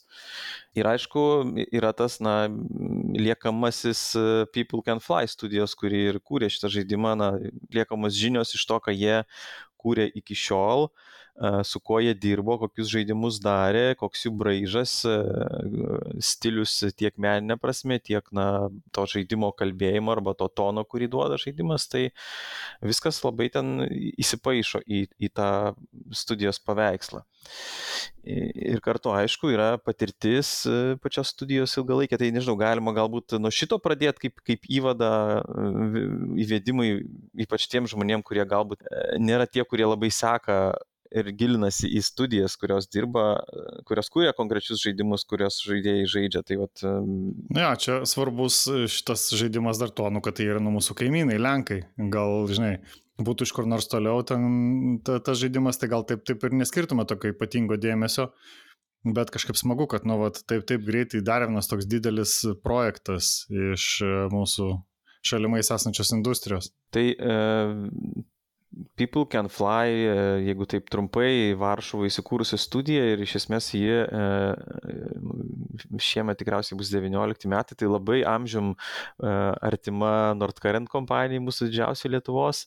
Ir, ir vat, kaip šalis ir, ir kaip kryptis, nežinau, kompanijų, kurios iš esmės labai turėjo panašias startinės pozicijas ir kurios labai nuėjo skirtingais keliais, nes People Can Fly tai yra na, visiškai na, to AAA kalibro studija, jeigu taip galima pavadinti, nes per savo istoriją jie pradėjo 2004 su Painkiller žaidimu, kuris buvo na, pirmos mens šaudyklė, tokia, na, nežinau, artima galbūt tiem seniesiems šūteriam, tiem, tarkim, Quake'o klonam turi tos tokios, tokios dvasios ir šiek tiek man yra tokio daug labai sąsajų su ta populiariaja kultūra, su tokiam keršto istorijom ir, ir tas personažas toksai, na, toks vos ne antiherojus tam tikrą prasme.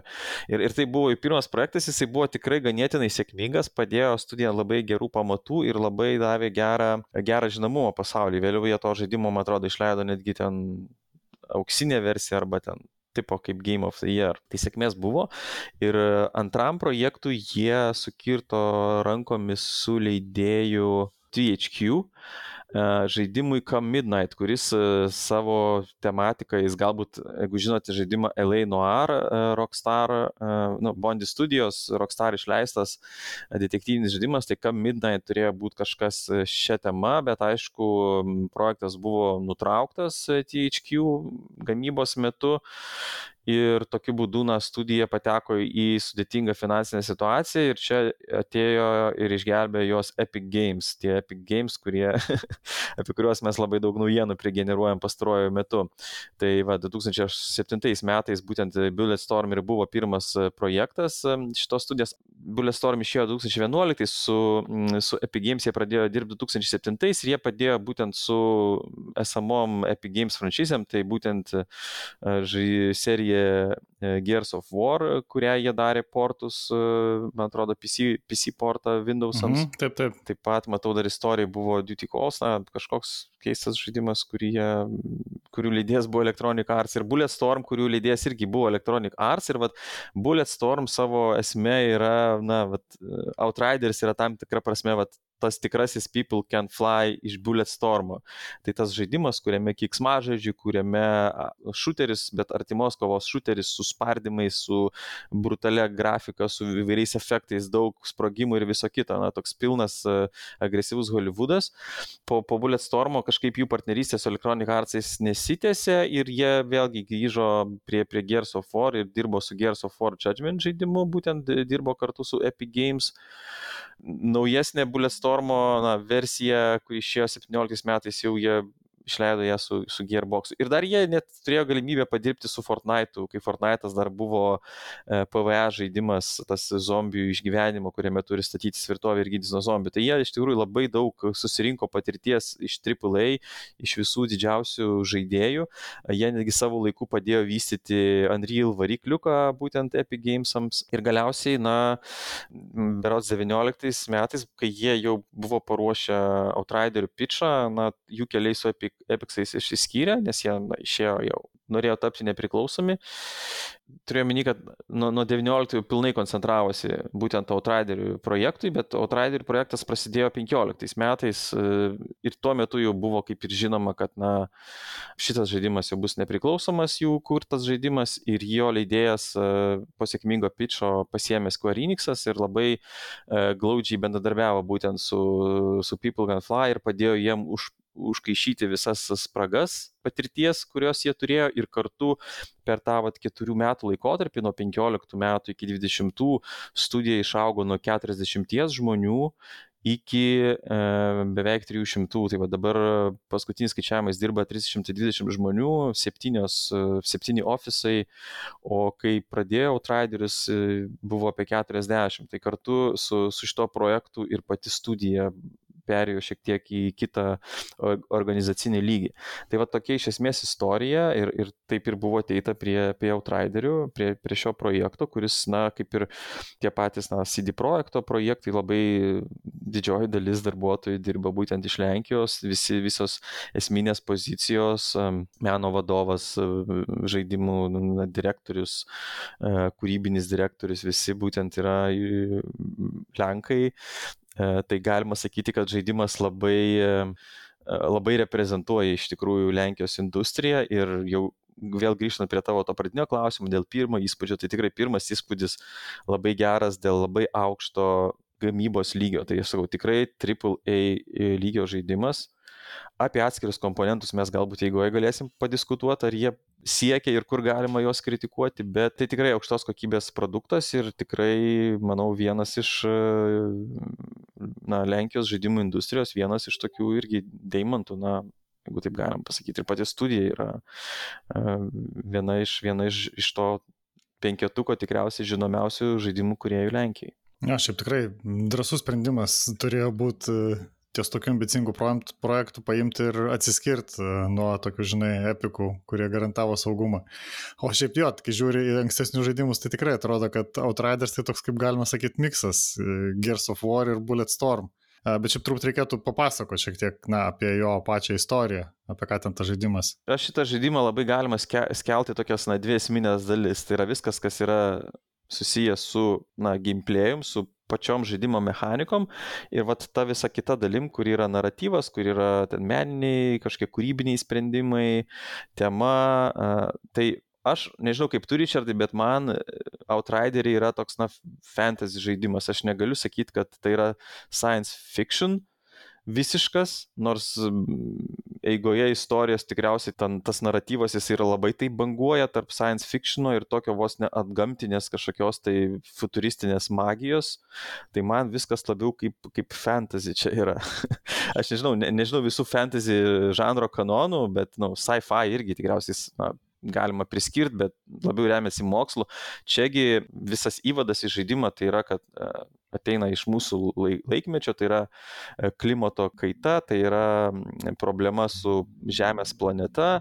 Ir aišku, tai yra šiek tiek tokia klišė, kad, na, siekiant pratesti žmonijos gyvavimą, e, buvo priimtas sprendimas ir kartu turint tos visas technologinius pajėgumus, kad na, reikia perkelti žmonių populiaciją į kitą planetą ir buvo kuriami du dideli laivai, kurių kiekvienas e, e galės gabenti po 500 tūkstančių, atrodo, žmonių į kitą planetą ir ta planeta yra Inoch planeta, kurioje žmonės gali gyventi tai yra tokia klišė, jinai artima galbūt e, Mass Effect Andromeda žaidimo intro, vėlgi tradiciškai sci-fi žanro tradicijose žmonės yra užšaldomi į, į krajo miegą ir keliauja eilę metų iki tos e, planetos ir aišku, toj planetoje išsilaipina ir būtent tas pirma grupė žmonių, kurie išsilaipina ir būtent yra žaidime vadinami outrideriai, tai tokie kaip skautai, kaip komandos, tai yra aukšto pasirengimo lygio,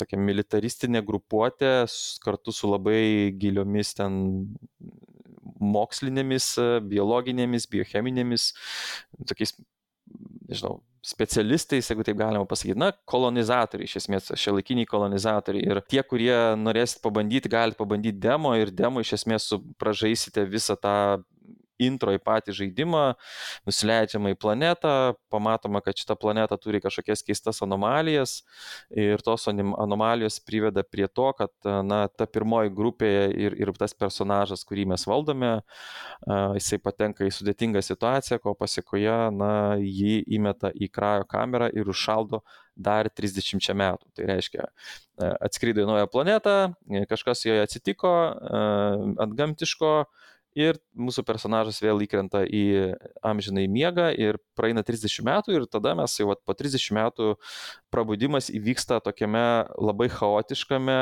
apokaliptinėme pasaulyje, e, būtent tos planetos, kur vyksta labai ir, ir patys pirmi segmentas žaidimo, būtent pro prabudimo, jis tikrai toks apokaliptinis, bent jau man. Jo, jo, ten devastating viskas labai. Taip, e, be abejo, vyksta kovos tarp tų žmonių, kurie ten gyvena, taip pat yra gamtos, e, planetos ten visa biologija, e, yra anomalijos ir kas dar atsitinka su personažu, tai prabudus jisai pajaučia, arba jis, arba ji pajaučia, čia priklausomai nuo to, kurią lytį pasirinksit personažą, pajaučia turys ant gamtinių galių ir kartu tame pasaulyje po 30 metų e, tokių e, žmonių su atgamtinėmis galiomis yra nepalyginamai daug. Ir va čia ir prasideda ta vystimasis visas istorijos naratyvas. Tikslas iš esmės, e, nežinau, bent jau viskas buvo einama link signalo tam tikrų koordinačių, to signalo, kurį gavo būtent, kuris buvo pagautas prieš 30 metų ir, ir istorija būtent eina link to signalo vietos, iš kurios buvo pasiūstas tas signalas, kuris spėjama leistų atrakinti šitos planetos e, istoriją ir kas atsitiko ir kodėl taip viskas vyksta toje planetoje. Tai daugiau labai nenoriu eiti į, į, į, pačią, į pačią istoriją, nes, na, sakau, ji išpildyta yra, na taip, labai daug klišių, labai daug stereotipų, personažai, jų yra daug, jie labai yra gražus e, iš, iš tos, na, personažo vizualios dizaino pusės, e, bet pati istorija bent jau man jinai tokia labai pasirodė, na, neįkvepianti, jeigu taip galima pasakyti. Nežinau, Richardai, tavo komentaro čia norėčiau. Jo, jinai tokia ganėtinai standartiška, ta prasme, kad, nu, čia turbūt dar priklauso nuo to, kiek žaidimų būsit panašių pražaidę, nes tarkim aš, nu, kaip pastaruoju metu ne, nedaug žaidžiau, tai man, nu, visai įdomu, bet uh, turint galvoj, kad, nu, jis labai daug kopijuoja ir iš filmų, ir iš žaidimų, ten vietom avatarą primena, e, vietom tą patį Gears of War, uh, tą patį Mass Effectą, kaip minėjai, nu labai daug tokių pririnkta, pririnkta, pririnkta standartų ir sudėta į vieną vietą. Už tai turbūt jį žaisti, nugrinai fokusuojantis į istorijos kampaniją, kaip aš dažniausiai mėgstu, nu nelabai būtų įdomu. Tarsi reikia išnaudoti jo va, tas va, side questus, tas branching, gal ne branching, bet tiesiog visokius ten tos atsitiktinius questus arba ilgesnius. Man vat, visai patiko vienas toks turbūt pagrindinis sidequestas, gal taip jį galima pavadinti, apie, na, kaip tie outrideriai ten susiformavo jau toj per tą 30 metų, kas įvyko. Tai tokia visai įdomi linija. O šiaip tokių visokių ten dar irgi atsiranda kiekviename ten tame mieste, kur ar kažkokia teritorija, kur po truputį atrakinėjai keliaudamas. Ir aš iki pabaigos dar ne, netėjau, nes nu, vis tiek ganėtinai didelis žaidimas. Kaip skaičiau, kad jeigu vien kampaniją darytum ir ten to lengvų lygių, tai apie ten, nežinau, 25-30 valandų užtruktų. Tai aš panašiai tik ir pražydžiau, bet nedėjau iki pabaigos, nes at vis sakau, vis pasimdavau, nedaug ten tų šalutinių misijų, bet šiek tiek kad paivairinta. Tai, tai tas toks jo, nu yra toks medio, mediokriti, toks žodis angliškas. Čia kažkaip kaip lenkiš, lenkiška tripulai tokia tradicija, nes ir tas pats Cyberpunkas su savo pagrindinė istorija, būtent pagrindinė istorija, jis irgi nebuvo pats įspūdingiausias, lab, daugiau na, įspūdžio darė visos tos side istorijos personažų, kuriuos tu sutinki žaidime, kurios nepriklauso tam pagrindiniam, pagrindiniai naratyvo linijai. Tai čia vat, įdomu, ar čia susiveda į tai, kad galbūt pagrindinė istorija rašo ten žaidimo direktorius ir ten labiau toksai būna, e, nesakysiu diktatoriškas, bet toks labai viena kryptis, e, naratyvas sudėliotas vieno žmogaus, kuris nekritikuojamas, e, sudėlioja tą visą istoriją, o su sidequestais gali būti yra daugiau komandinio darbo ir tokiu būdu e, viskas tampa daug patraukliau ir praeina galbūt daugiau iteracijų. Nu, čia mano tokia, tokia teorija, bet sakau, na, jau yra tam tikra koreliacija mhm. E, su, tiek su cyber, nu, Cyberpunko ir, ir Outrideriu, kad tikrai vat, pagrindinė istorija jinai pranoksta ir kartu dar Outrideriuose, kas man tikrai užkliuvo, kad tarpai tarp gameplay'aus ir tarpai tarp naratyvinės dalies, kurie, kurie daromi, kad, na, tokiam tarpiniam scenom, kas scenom, kurios pagrojamos engine žaidimo, tai nėra video interpai, kaip buvo seniau. Tranzicija irgi jinai tokia labai mechaninė ir, ir čia irgi toks įspūdis man kartais buvo, kad, na, vos ne, kad tai darė atskiros komandos, kurios dėliojo žaidimo e, tvarką gameplay'aus dalyje ir, ir tie, kurie darė jau, na, tose tarpuose, naratyvinėse tarpuose, nes e, dramatizmo lygiai labai skiriasi ir, ir ta nuotaika arba tavo ta emocija labai skiriasi, kai tu po labai tokio, tarkim, intensyvaus valymo ir intensyvaus kombato tu ateini į dramatinę vietą, kur, kur viskas labai taip per kažkokią tai niekingą klišę parodoma situaciją ir labai numuša visą, visą dinamiką ir sukuria kaip tam tikrą paralelinį naratyvą ir tie dialogai tampa tokie labai jokingi, labai nesminiai ir, ir, užduotis, kurios duodamos, jos tampa tokios labai namudinės, tokios būtinės, jeigu taip galima pasakyti. Ir, ir va, čia man tas buvo labai didelis kontrastas. Bet nepaisant to, e, patys tie interpai padaryti labai kokybiškai. Pas mane, aš nežinau, galbūt dėl techninių problemų, ar, ar žaidime taip ir buvo, nežinau kaip, nes tu čia žaidėjant Xbox, nežinau, man būtent tie tarpinės tos scenos jos grojo kažkokiu tai mažesniu frame rate. Aš, man buvo labai keista, nes žaidimas kaip ir sukasi ganėtinai aukštą, aukštą kadrų kaitą, bet tie interpai buvo, na, tokie kaip išmesti, išmesta dalis kadrų. Tai aš galvoju, ar čia toks kūrybinis sprendimas e, pačių kuriejų, na, su, suteikti to dramatizmo kamerai tokiai ir labiau kino, kinematografinis toksai sprendimas, ar, ar čia technika mano pavadinėjo. Bet sakau, va, tokie dalykai man kliuvo ir, ir tai trukdė kartu ir pačią tą istoriją suvesti į gražią liniją. Dar kas panašu, kad jie turėjo, nu tikrai tų rašytojų komandą, gal net atskirą, nes labai daug yra prirašyta viso, nu, teksto skaitomo.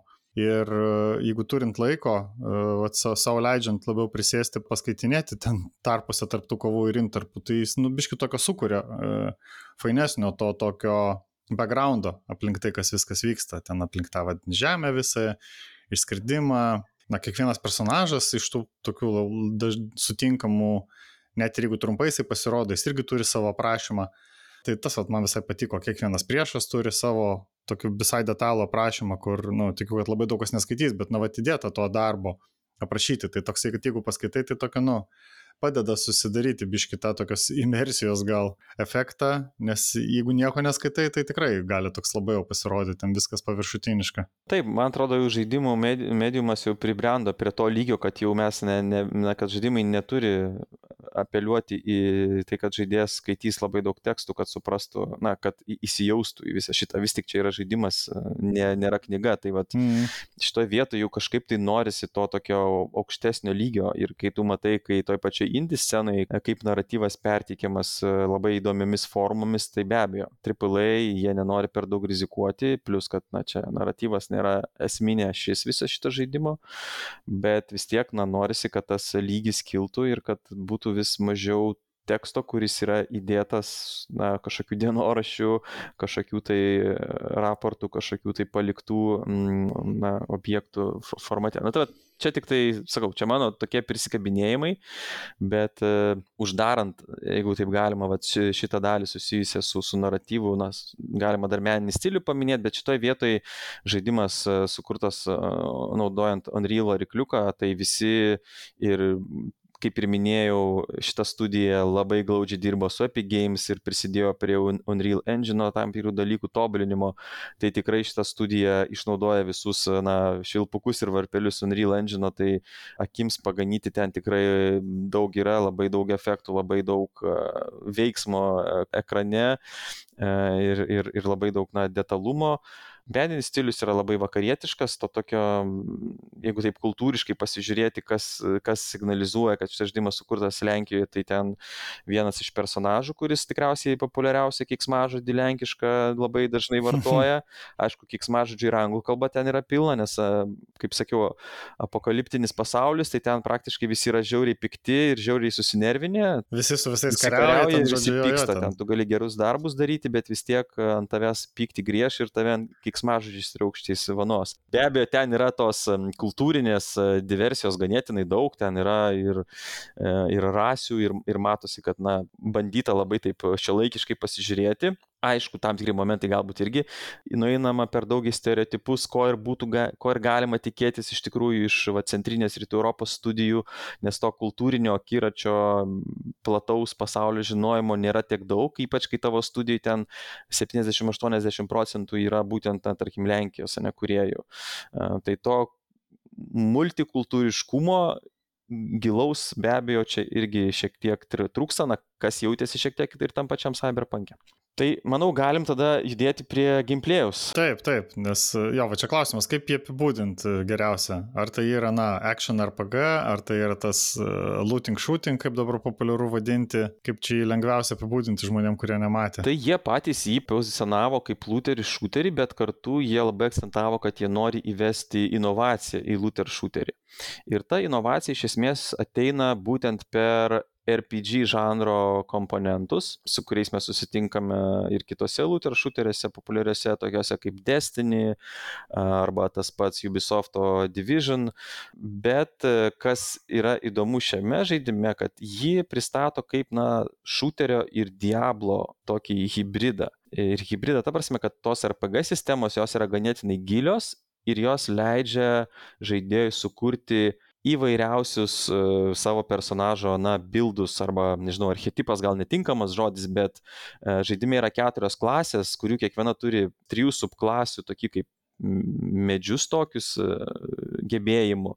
Ir kiekvienas tas, kiekviena vat, klasė turi 80 tų, vat, tokių kaip vadinasi, jie ten skilsai, berots, ne, ne skilsai. Mhm. Skil, skilsai, jo, skilsai yra, jo, skilsai yra biličiai, tai e, skilsai, kurių yra iš viso tam medį 80, jie ten žymi tam tikras linijas, 3 e, subklasių, bet tu gali iš esmės va, susidėlioti turėdamas maksimalų skaičių 20 tų skill po, class pointsų, klasės taškų, tu gali susidėlioti pačias įvairiausias kombinacijas. Ir prie šito pridėjus dar uh, abiličius, na, gebėjimus, pats žaidimo gameplayus tai be abejo yra, tie, kas šiek tiek žino, kas nežino, tai yra trečios mens e, šaudyklė, naudojant e, tas e, lietuviškai net nežinau kaip suformuoluoti, priedangos, priedangos šaudyklė. Cover, cover mechanika. Na tai vad sakau, čia tavo Gears of War didžiulį įtaką. Jo, iš Gears of War įtaką ir, ir tie, kas žaidė Gears of War, tai tikrai, na, matys, kad, na, labai didelės inovacijos su cover mechanika šitas žaidimas neįneša. Tai yra vos ne kaip Gears of War tradicija iš esmės. Nes, na, nu, aš, aš bent jau asmeniškai žaidžiau antrą ir trečią Gears of War ir šiek tiek žaidžiau penktus Gears, Gearsus.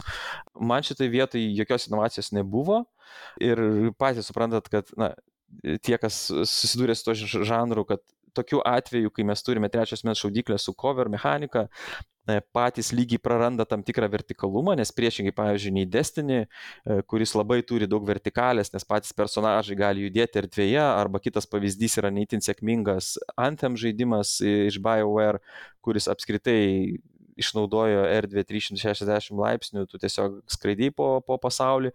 Tai čiagi to vertikalumo praktiškai nėra ir lygiai jeigu E, jeigu ignoruotum, kad aplinkoje matosi gražus peizažai, gražios aplinkos, patys lygiai yra labai tokie, na, klaustrofobiški ir jie artimesni savo patirčiai, na, kokiam paintballo žaidimui tikriausiai.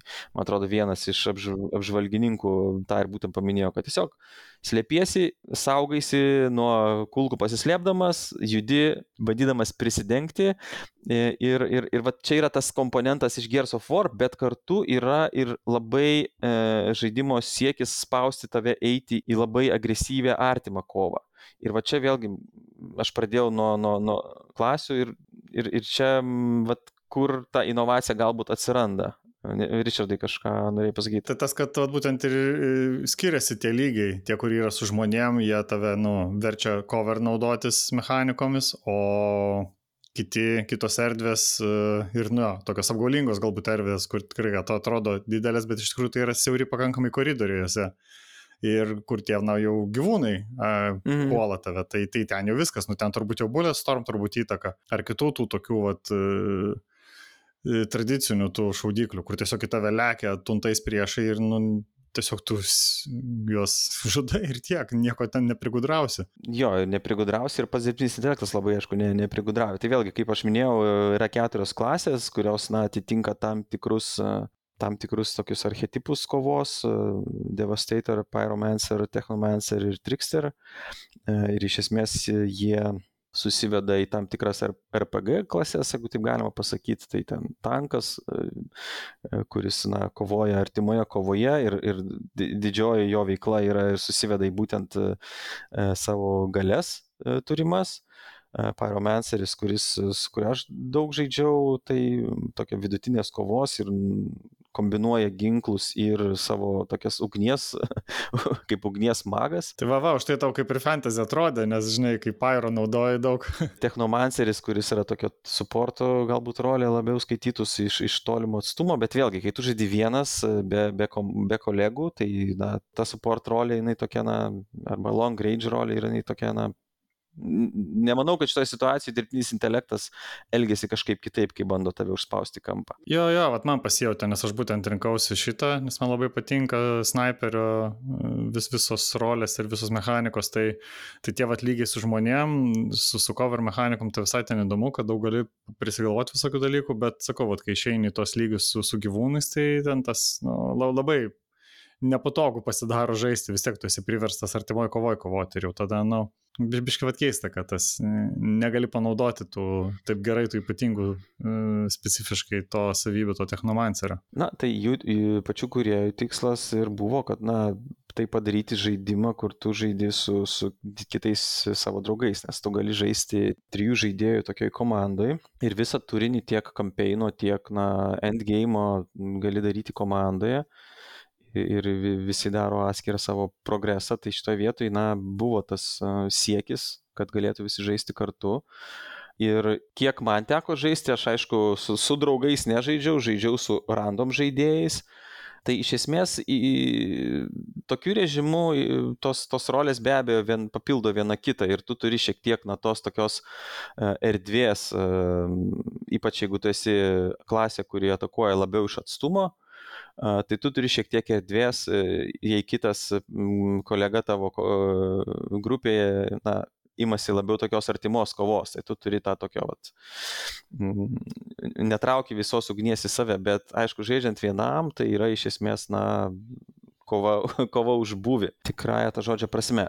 E, grįžtant vėlgi prie RPG komponentų, tai e, kaip aš jau minėjau, yra labai kiekviena klasė žaidėjas labai lengvai gali keisti savo bildą, tu bandai, tu poli bosą, pralaimi, kitų bandymų tu jau gali susidėlioti visiškai kitą bildą ir bandyti iš naujo.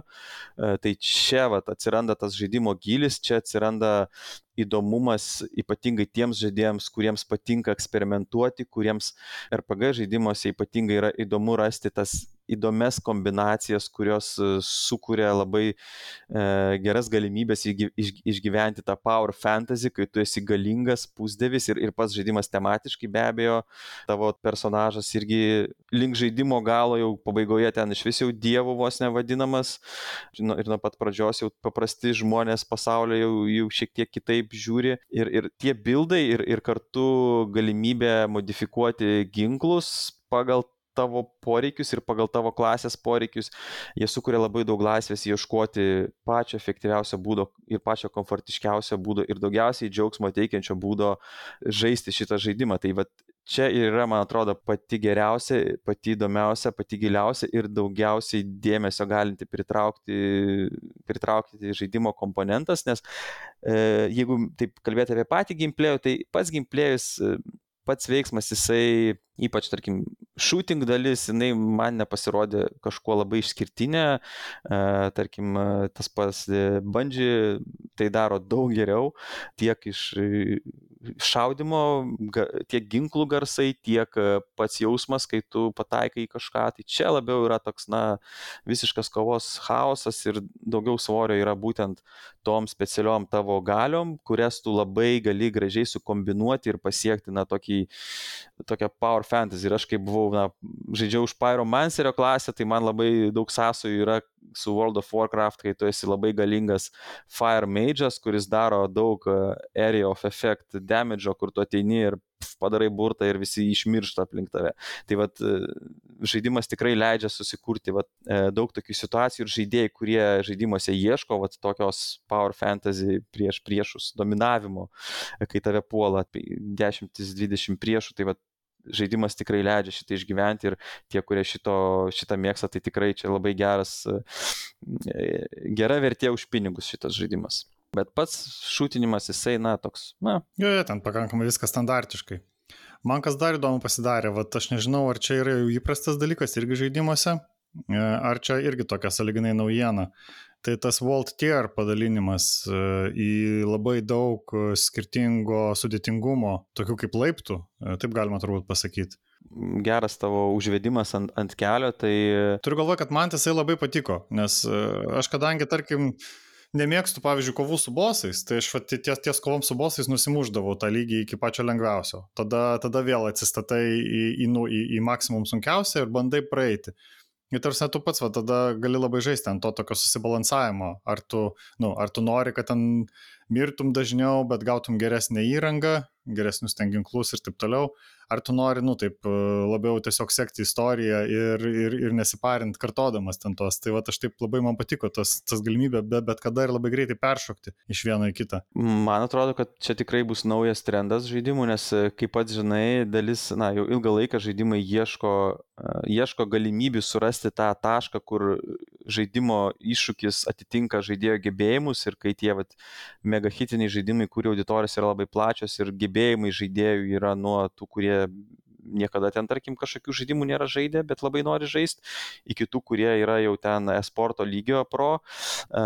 Ir, ir dažniausiai tas būna daroma tokiom nematomom sistemom, kurios tiesiog atsižvelgiant į tai, kaip sekasi žaidėjai pagal tam tikrą telemetriją, jos šiek tiek koreguoja. Ar tai būtų ten žaidėjo mirtis ir tu po mirties jau gauni šiek tiek lengvesnį iššūkį, ar, ar, ar eigoje žaidimas gali koreguoti savo lengvumą, nu, tarkim, jeigu tu jau labai gerai varai, tai, a, tau dar vieną priešų vaivą uždėkim. Čiagi šita tierių sistema, jinai labai, tierių sistema jinai labai at, atveria iš esmės ir, vad, pasako žaidėjui, kad, va, mes turim tau švedišką stalą sunkumo, kurį tu gali keisti bet kurią akimirką ir tu pagal save žiūri, kada tu nori šiek tiek e, pakelti savo širdies pulsą ir, ir padidinti adrenalino kiekį organizme, kada tu nori šiek tiek, na, jau nusiraminti. Ir vat, man atrodo, kad šitas galbūt jau yra žaidimų, e, kurie jau irgi tą dalyką naudoja. Nesakau, aš visų žaidimų negaliu žaisti, bet bent jau tam pačiam, na, kad ir tos, kurias minėjau, Destiny Divisionas naudoja šitą labiau tokį tierių pasikeitimą, bet jisai nėra toks, kad tu gali šokinėti iš vienos vietos į kitą, tu tiesiog level upini savo pasaulį, įveikęs tam tikrus iššūkius, tavo visas mepas pasikeičia į sunkesnį lygį ir tu vėl gali uh, vos ne peržaisti turinį aukštesnio lygio. Čiagi jie leidžia vos ne bet kurią akimirką, bet kurią e, bet kurią vietą peržaisti tokiu lygiu, kokiu tu nori ir tai, kad tu gali kartoti tos peržaidimus, tau leidžia, na, labai taip išmokti tam tikrus dalykus ir tau leidžia, žaidimas leidžia tau išmokti įžaisti tai, kaip reikia. Ir kaip aš minėjau, kai tau yra tiek daug pasirinkimo, kaip tu sudėliosi savo personažą, tai yra labai logiškas, logiškas ir kartu, kaip ir sakiau, inovatyvus sprendimas ir aš pritariu tavo šitam komentarui, kad tai tikrai yra labai, labai patrauklus ir labai, na, tinkamas. Reiks tik pasieškoti kokio video, pasižiūrėti, kas ten, nu, ten tais, vis tiek bus kas nors, kas pasiekia tos jau arti maksimalaus lygio, ten 16 ar kiek jų yra, kaip ten atrodo viskas. Čia tu kalbi dabar apie kampeino tierus, bet pasiekus maksimalų lygį, tu pasieki endgame turinį. Endgame turinys yra, na, tokios uh, ekspedicijos, ekspedicijos, kurios vėlgi čia dar vienas toks uh, pardavimo punktas iš um, People Can Fly, kad visas endgame'as tai nėra turinio perpanaudojimas, ką daro, pavyzdžiui, tas pats Destiny ir Divisionas ir, ir tikriausiai eilė kitų looter shooterių. O visas, en, visos endgame ekspedicijos buvo sukurtos būtent endgame'ui. Tai reiškia, atėjęs į endgame'ą, tu susidursi su turiniu, kurio tu dar nesi patyręs. Ir čia atsiranda nauja tiero sistema. Ir ta nauja tiero sistema yra tierai kiekvienai žaidime esančiai, endgame esančiai ekspedicijai.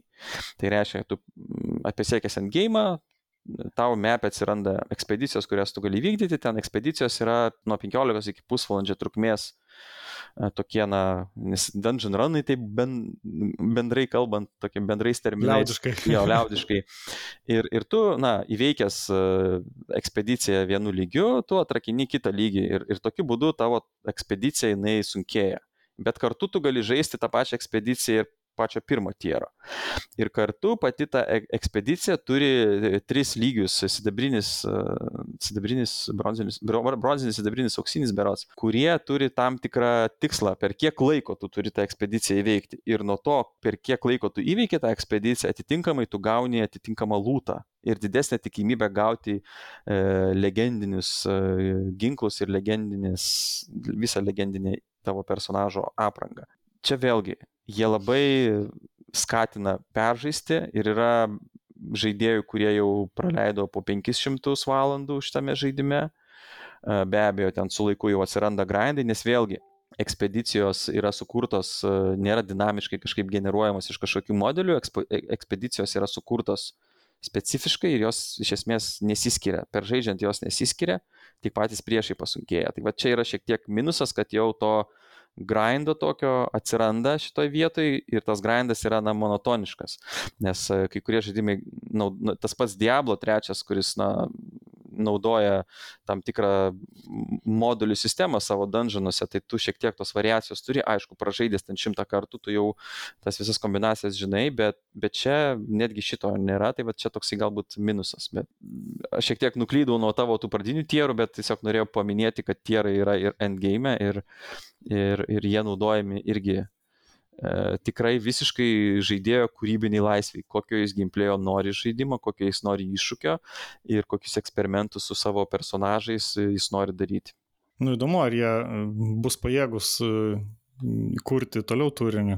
Ir, na, plėsti kaip kokį destinį. Na, jų tikslas yra toks, ar jiems tai pavyks, klausimas. Čia mes galim jau dabar šiek tiek perėti prie, prie žaidimo starto, kuris vyko balandžio 1 ir, ir, ir kuris buvo, ir iš tikrųjų visi, visi vertinimai žaidimo buvo labai smarkiai numušti tai, kaip žaidimas iš techninės pusės veikia tuo metu ir čia mhm. vėlgi labai aiškios sąsajos su Cyberpunko startu, nors yra sąlyčio taškų e, tam tikrų.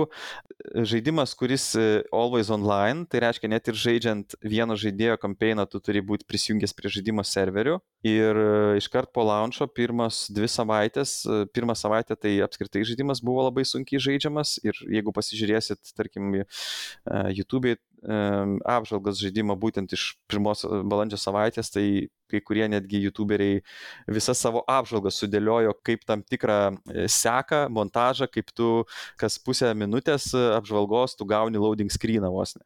E, loading arba disconnecto screeną, ta prasme. Ir va ta patirtis iš tikrųjų buvo labai sudėtinga, nes tiesiog, na, žaidėjų buvo tiek daug, nes e, reikia atkreipdėmėsi, kad Outriders išėjo tam tikrame vakume naujų leidimų, o ypač šito žanro nes e, tiek e, visi looter shooteriai iš didžiųjų studijų dėl COVID gamybos tempai šiek tiek sutriko, laivopsai šiek tiek sutriko, visi grafikai sutriko ir Outrideriai labai pataikė į tą vietą, kur, na, visi norėjo naujo kažko tai ir, ir, ir tikrai e, tas antplūdis žaidėjų pirmom savaitėm buvo labai didelis ir aišku, nulaužė serverius dėl apkrovų.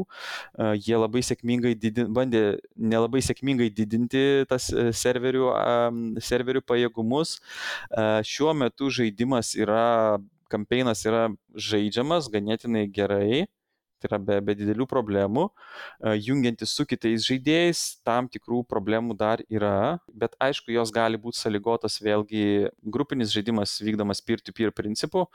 Tai šitoje vietoje, na, tos problemos gali kilti dėl hosto žaidėjo problemų, bet sakau, mano patirtis su single playeriu labai gera, kas liečia būtent veikimą žaidimo iš techninės pusės e, su grupiniu žaidimu, tai priklauso nuo, nuo specifikos, kokį sujungimo būdą naudoja žaidimas ir šitoje vietoje, na, e, neigiamų dalykų tikrai, tikrai gali būti dėl problemos su internetu pralaidumu. Kaip žinome, COVID laikotarpiu internetai visame pasaulyje yra labai apkrauti e, ir, ir, ir to pasiekoje, na, ta patirtis gali būti ne pati, ne pati geriausia. Bet jeigu žaidžia su draugais, kurie turi Lietuvoje gerą internetą, tai tikiuosi, tikriausiai tos problemos ir neturės. Kas, kas labiausiai man užkliuvo ir tie, kurie žaisit demo, pamatysite jau ir man, aš, aš kai žaidžiau dar demo prieš išleidimą, tai man tikrai padarė labai gerą įspūdį, bet jau demo metu jau pasijuto tas rašymo labai, dialogų, tarkim, keistas toks kalba tokia keista, ypač jeigu jinai buvo rašyta, tarkim, lenkų rašytojų ir buvo verčiama, tai gali būti kažkas tai vertime pasiklydo. Tai labai taip stereotipiškai, labai klišėmis, labai, bet voice actingas labai, labai geras, bet aišku, voice actingas be, be geros rašybos, uh, na, jis negali išgelbėti. Jeigu jau ten parašyta kreivai, tai tu gali turėti ir pačius geriausius aktorius, uh, nieko gero nesigaus. Man atrodo, panaši situacija buvo su pirmu Destiny, kai Peteris Dinklidžas iš Game of Thrones šlovės uh, įgarsino tą droną personažą kur irgi buvo labai mediniai tekstai ir nors turėjai labai, na, aukšto kalibro aktorium, bet visi ten e, labai kabino neigiamas emocijas visas e, ant, ant šito personažo. Taip ir čia sakau, va, pasimatys, kad na, dialogai šiek tiek na, sunkiai traukia prie, prie aukšto lygio, bet techniškai, nepaisant, tarkim, viso, viso serv, visų serverio problemų, techniškai žaidimas tikrai išpildytas aukštam lygiui, tikrai pilna AAA patirtis, graži grafika, aukšto detalumo personažai, e, vakarietiškas toksai, galiu pasakyti, galbūt, nežinau, ar čia pliusas ar minusas tas personažų vakarietiška kokybė personažų iš tikrųjų ir viso art, art directiono lygis tikrai, na, industrijos standartas iš tikrųjų, e, jeigu taip tiktų šitas išsireiškimas. Tai visi šitie komponentai yra tikrai puikiai išgyvenyti. Aišku, yra tam tikrų ten vartotojo patogumo tam tikrų niuansų, kuriuos jie ten įvairiais būdais bando spręsti. Pavyzdžiui, visą lūtą turi susirinkti laikydamas, na, spausdamas klavišą, kur kitose žaidimuose jis automatiškai susirenka. Bet čia vėlgi galbūt jie norėjo daryti kažkokį balansą, kad, na, galbūt žaidėjas nenori viso lūto rinkti, paskui, aišku, kaip ir eini lygio galą, ta automatiškai surenka visus daiktus iš praeito, tarkim, praeitos dalies, tarkim, aš vadinu lygių, bet, nu, nes tai man jausmas, kaip pereidinėtum tam tikrus lygius. Tai vad yra daug tokių keistų sprendimų, kurio, kurie ne visada veikia, bet dar kaip papildomą momentą norėčiau paminėti, kad jie labai, e, kaip ir su personažo savybėm, klasių savybėm, analogišką lengvumą jie suteikia ir su ginklų modifikacijom. Ir kai mes kalbam apie tą visišką tavo personažo bildą, tai pusė yra tavo personažo bildas be įrangos, ir kita dalis yra tavo ginklas ir kaip tu susikonfigūruoji savo ginklą. Ir čia vėlgi jie įveda daug įdomių naujų sistemų, e, kai dekonstruojant ginklus, tu jų tas specialias savybės arba na, modus, e, tu juos krauni savo tokią modą biblioteką ir paskui tu gali užsidėti juos ant bet kokio ginklo, jų nesunaudodamas ir tu tai gali daryti naudodamas labai mažai ten žaidime naudojamų resursų, kurie surenkami labai greit, nu, labai paprastai. E, tai vėlgi žaidimas skatina žaidėją eksperimentuoti su ginklais, eksperimentuoti su ginklų savybėm. Žaidimas leidžia tiek pakelti tavo ginklo lygį, tiek pakeisti pačio ginklo tam tikras specifikacijas, na, ar tai būtų, na, kai kalbam apie automatinį ginklą, ar jisai būtų orientuotas į trumpas serijas, ar tai būtų visiškai automatinis ginklas, ar, ar padidinti to ginklo kalibrą. Tokie, vat, vos ne ginklo klasės, na, modifikacijos, kartu, vat, sakiau, tie patys modai, kurie labai glaudžiai groja su personažo, su personažo tam tikrom na, galiom, e, pastiprina arba aktyvavus tas galės e, suteikia personažui tam tikrų papildomų, na, tokių perksų. Tai šito vietoje, na, kaip tu susidėlioji ginklą, kokį tu ginklą turi, kokią, kaip tu jį naudoji, kaip, nes žaidime gali, na, vienu metu turi tris ginklus, juos gali susidėlioti kokius nori, gali ten artimos kovos ginklus susidėti, gali ten kombinuoti tolimos artimos. Tai čia irgi papildoma, papildoma laisvė, papildoma e, galimybė sudėti tą pilną, pilną savo personažo puzzlą. Ir vėlgi, kaip aš minėjau, ta tierų sistema, jinai labai tvarkingai leidžia tavo visus eksperimentus išbandyti realių laikų labai greitai ir toliau tobulinti tą savo bildą. Ir dabar jau aišku, praėjus e, nuo žaidimo išleidimo daugiau nei mėnesiui, e, jau galima rasti eilę gydų, kaip galima susidėlioti patį geriausią bildą kiekvienai klasiai, į kokius ginklus ir kokius ginklų modus atkreipti dėmesį, tas klases, bildant tas klases, į kokias ten, į kokius, kokius abiličius naudot, kokius skillsus dėti, priklausomai nuo to, na, kokio, kokio iššūkio, su kokiu iššūkiu tu kovoji. Tai, sakau, šitoj vietoje tai tikrai žaidėjai, kuriems patinka RPG, tarkim, bet nėra labai patys didžiausi šūterių fanai, čia yra tokia vat, puikiai puiki galimybė tiek e, patenkinti savo RPG žaidėjo poreikius ir kartu šiek tiek tai perkelti į, į, į šūterių pasaulį ir šiek tiek, na, vat, turėti tą tokį hybridinį variantą. Tai vat, jeigu grįžtant prie mūsų pačios pradžios, kaip jį reikėtų apibūdinti, tai vat, na, toks šūterio ir RPG hybridas ir mano nuomonė iš esamų rinkoje šitam žaidimui labiausiai pavyksta apjungti šituos du žanrus į vieną didelį paketą. Bet čia mes kalbam tik tai būtent apie taip, kaip buvo sujungta. Dėl atskirų detalių sakau, kritikuoti labai smarkiai galima, turint omeny, kad ir pačių kritikų ta nuomonė nėra pati, na, pati didžiausia, jeigu, jeigu praeitoj laidoj kalbėjo, kalbėjote apie žaidimą Returnal. Jo, praeitoj laidoje kalbėjote apie Returnal ir jo galimus vertinimus ir ten apie 87 labai Aha, labai, labai pataikė, įdomu, kad pataikė, pataikė Arturas. Jo, ir, į vidurkį. Ir čiagi, man atrodo, metakritikė jis turi apie 74, 75. Jo, na, tai 73, toksai... aš va Xbox žiūriu 73, yra gerų įvertinimų, bet yra ir, ir, ir daug, daug tokių, va, būtent dėl to techninio nusiskundimų yra labai daug. Techniniai ir manau, kokie 5 yra tom kitom dalim, kurios tikrai būtų galima jas geriau išpildyti ir jeigu va, šitie du dalykai būtų irgi padaryti gerai, būtų viskas gerai sukritę, tikrai būtų 90 e, balų žaidimas. Ir nebejoju, kad e, jeigu jie galvos ateityje apie, na, kai padarys krūvą laivopsų ir bandys daryti, na, kažką tai elementarų tokį visišką atnaujinimą žaidimo, e, ką savo laiku darė tiek Destiny 1, tiek Destiny 2, na, tarkim, Legend Expansioną, kartu atnaujinti ir visą core žaidimą ir tai supakuoti kaip naują produktą ir jį parduoti ir jį, tas produktas turės naujus reviewus ir naują balą, tai jeigu jiem viskas sėkmingai iš finansinės pusės susidėlios, ir jie turės resursų tai padaryti, aš nebejoju, kad e, tos naujos versijos vertinimai tikrai jau eis į 90-ukus. Čia matyti dar labai priklausys, vat, įdomu, ar jie kada nors paskelbs kažkokius tikslesnius pardavimų skaičius mm, ir kaip jiem finansiškai tas visas e, susitvarkys. Nes iš vienos pusės tai turi nu, tikrai labai didelį backingą iš Microsoft'o, žaidimas yra ne, nu, nemokamas Xbox Game Pass turėtumėm būtent Xbox'o. Ant PC neleido, o vat ant Xbox'o leido nemokamai žaisti, tai vat aš dėl to ir žaidžiau iš principo. E, nes šiaip, šiaip aš tokio žaidimo gal net ir nebūčiau žaidęs, nes nu, toks, biškai, ne mano tipo žaidimas. Bet e, vat, labai vat, buvo tas geras sprendimas, kad demo tokį ilgą laiką paskirti e, ir pakankamai daug leisti išsibandyti. Tai va čia tikrai re rekomenduojam pasibandyti ir labai jau galima tikrai susidaryti gerą vaizdą apie žaidimą.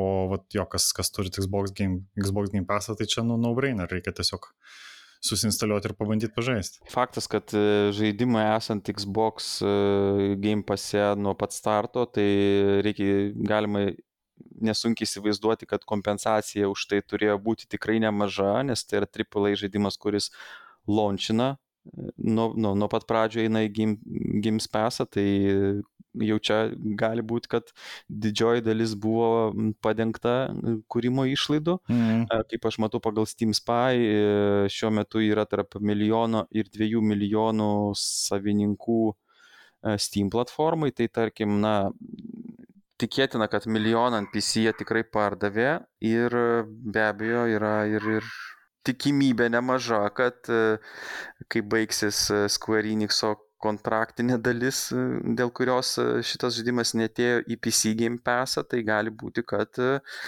jisai atsiras ir PC Game Pass'e Microsoft'o ir tikėtina, kad, na, tai dar labiau praplės auditoriją, bet tada gali atsitikti taip, kad mes čia ir kažkokių free-to-play mechanikų atrasime.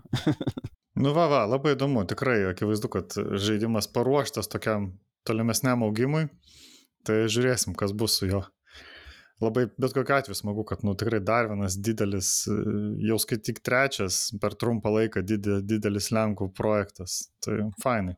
Na, būtų galbūt likimas kažkaip kitaip pasi, pasisukęs ir pas mus galbūt būtų tokia studija, bet aišku, būkime um, kuklus, kad vis tiek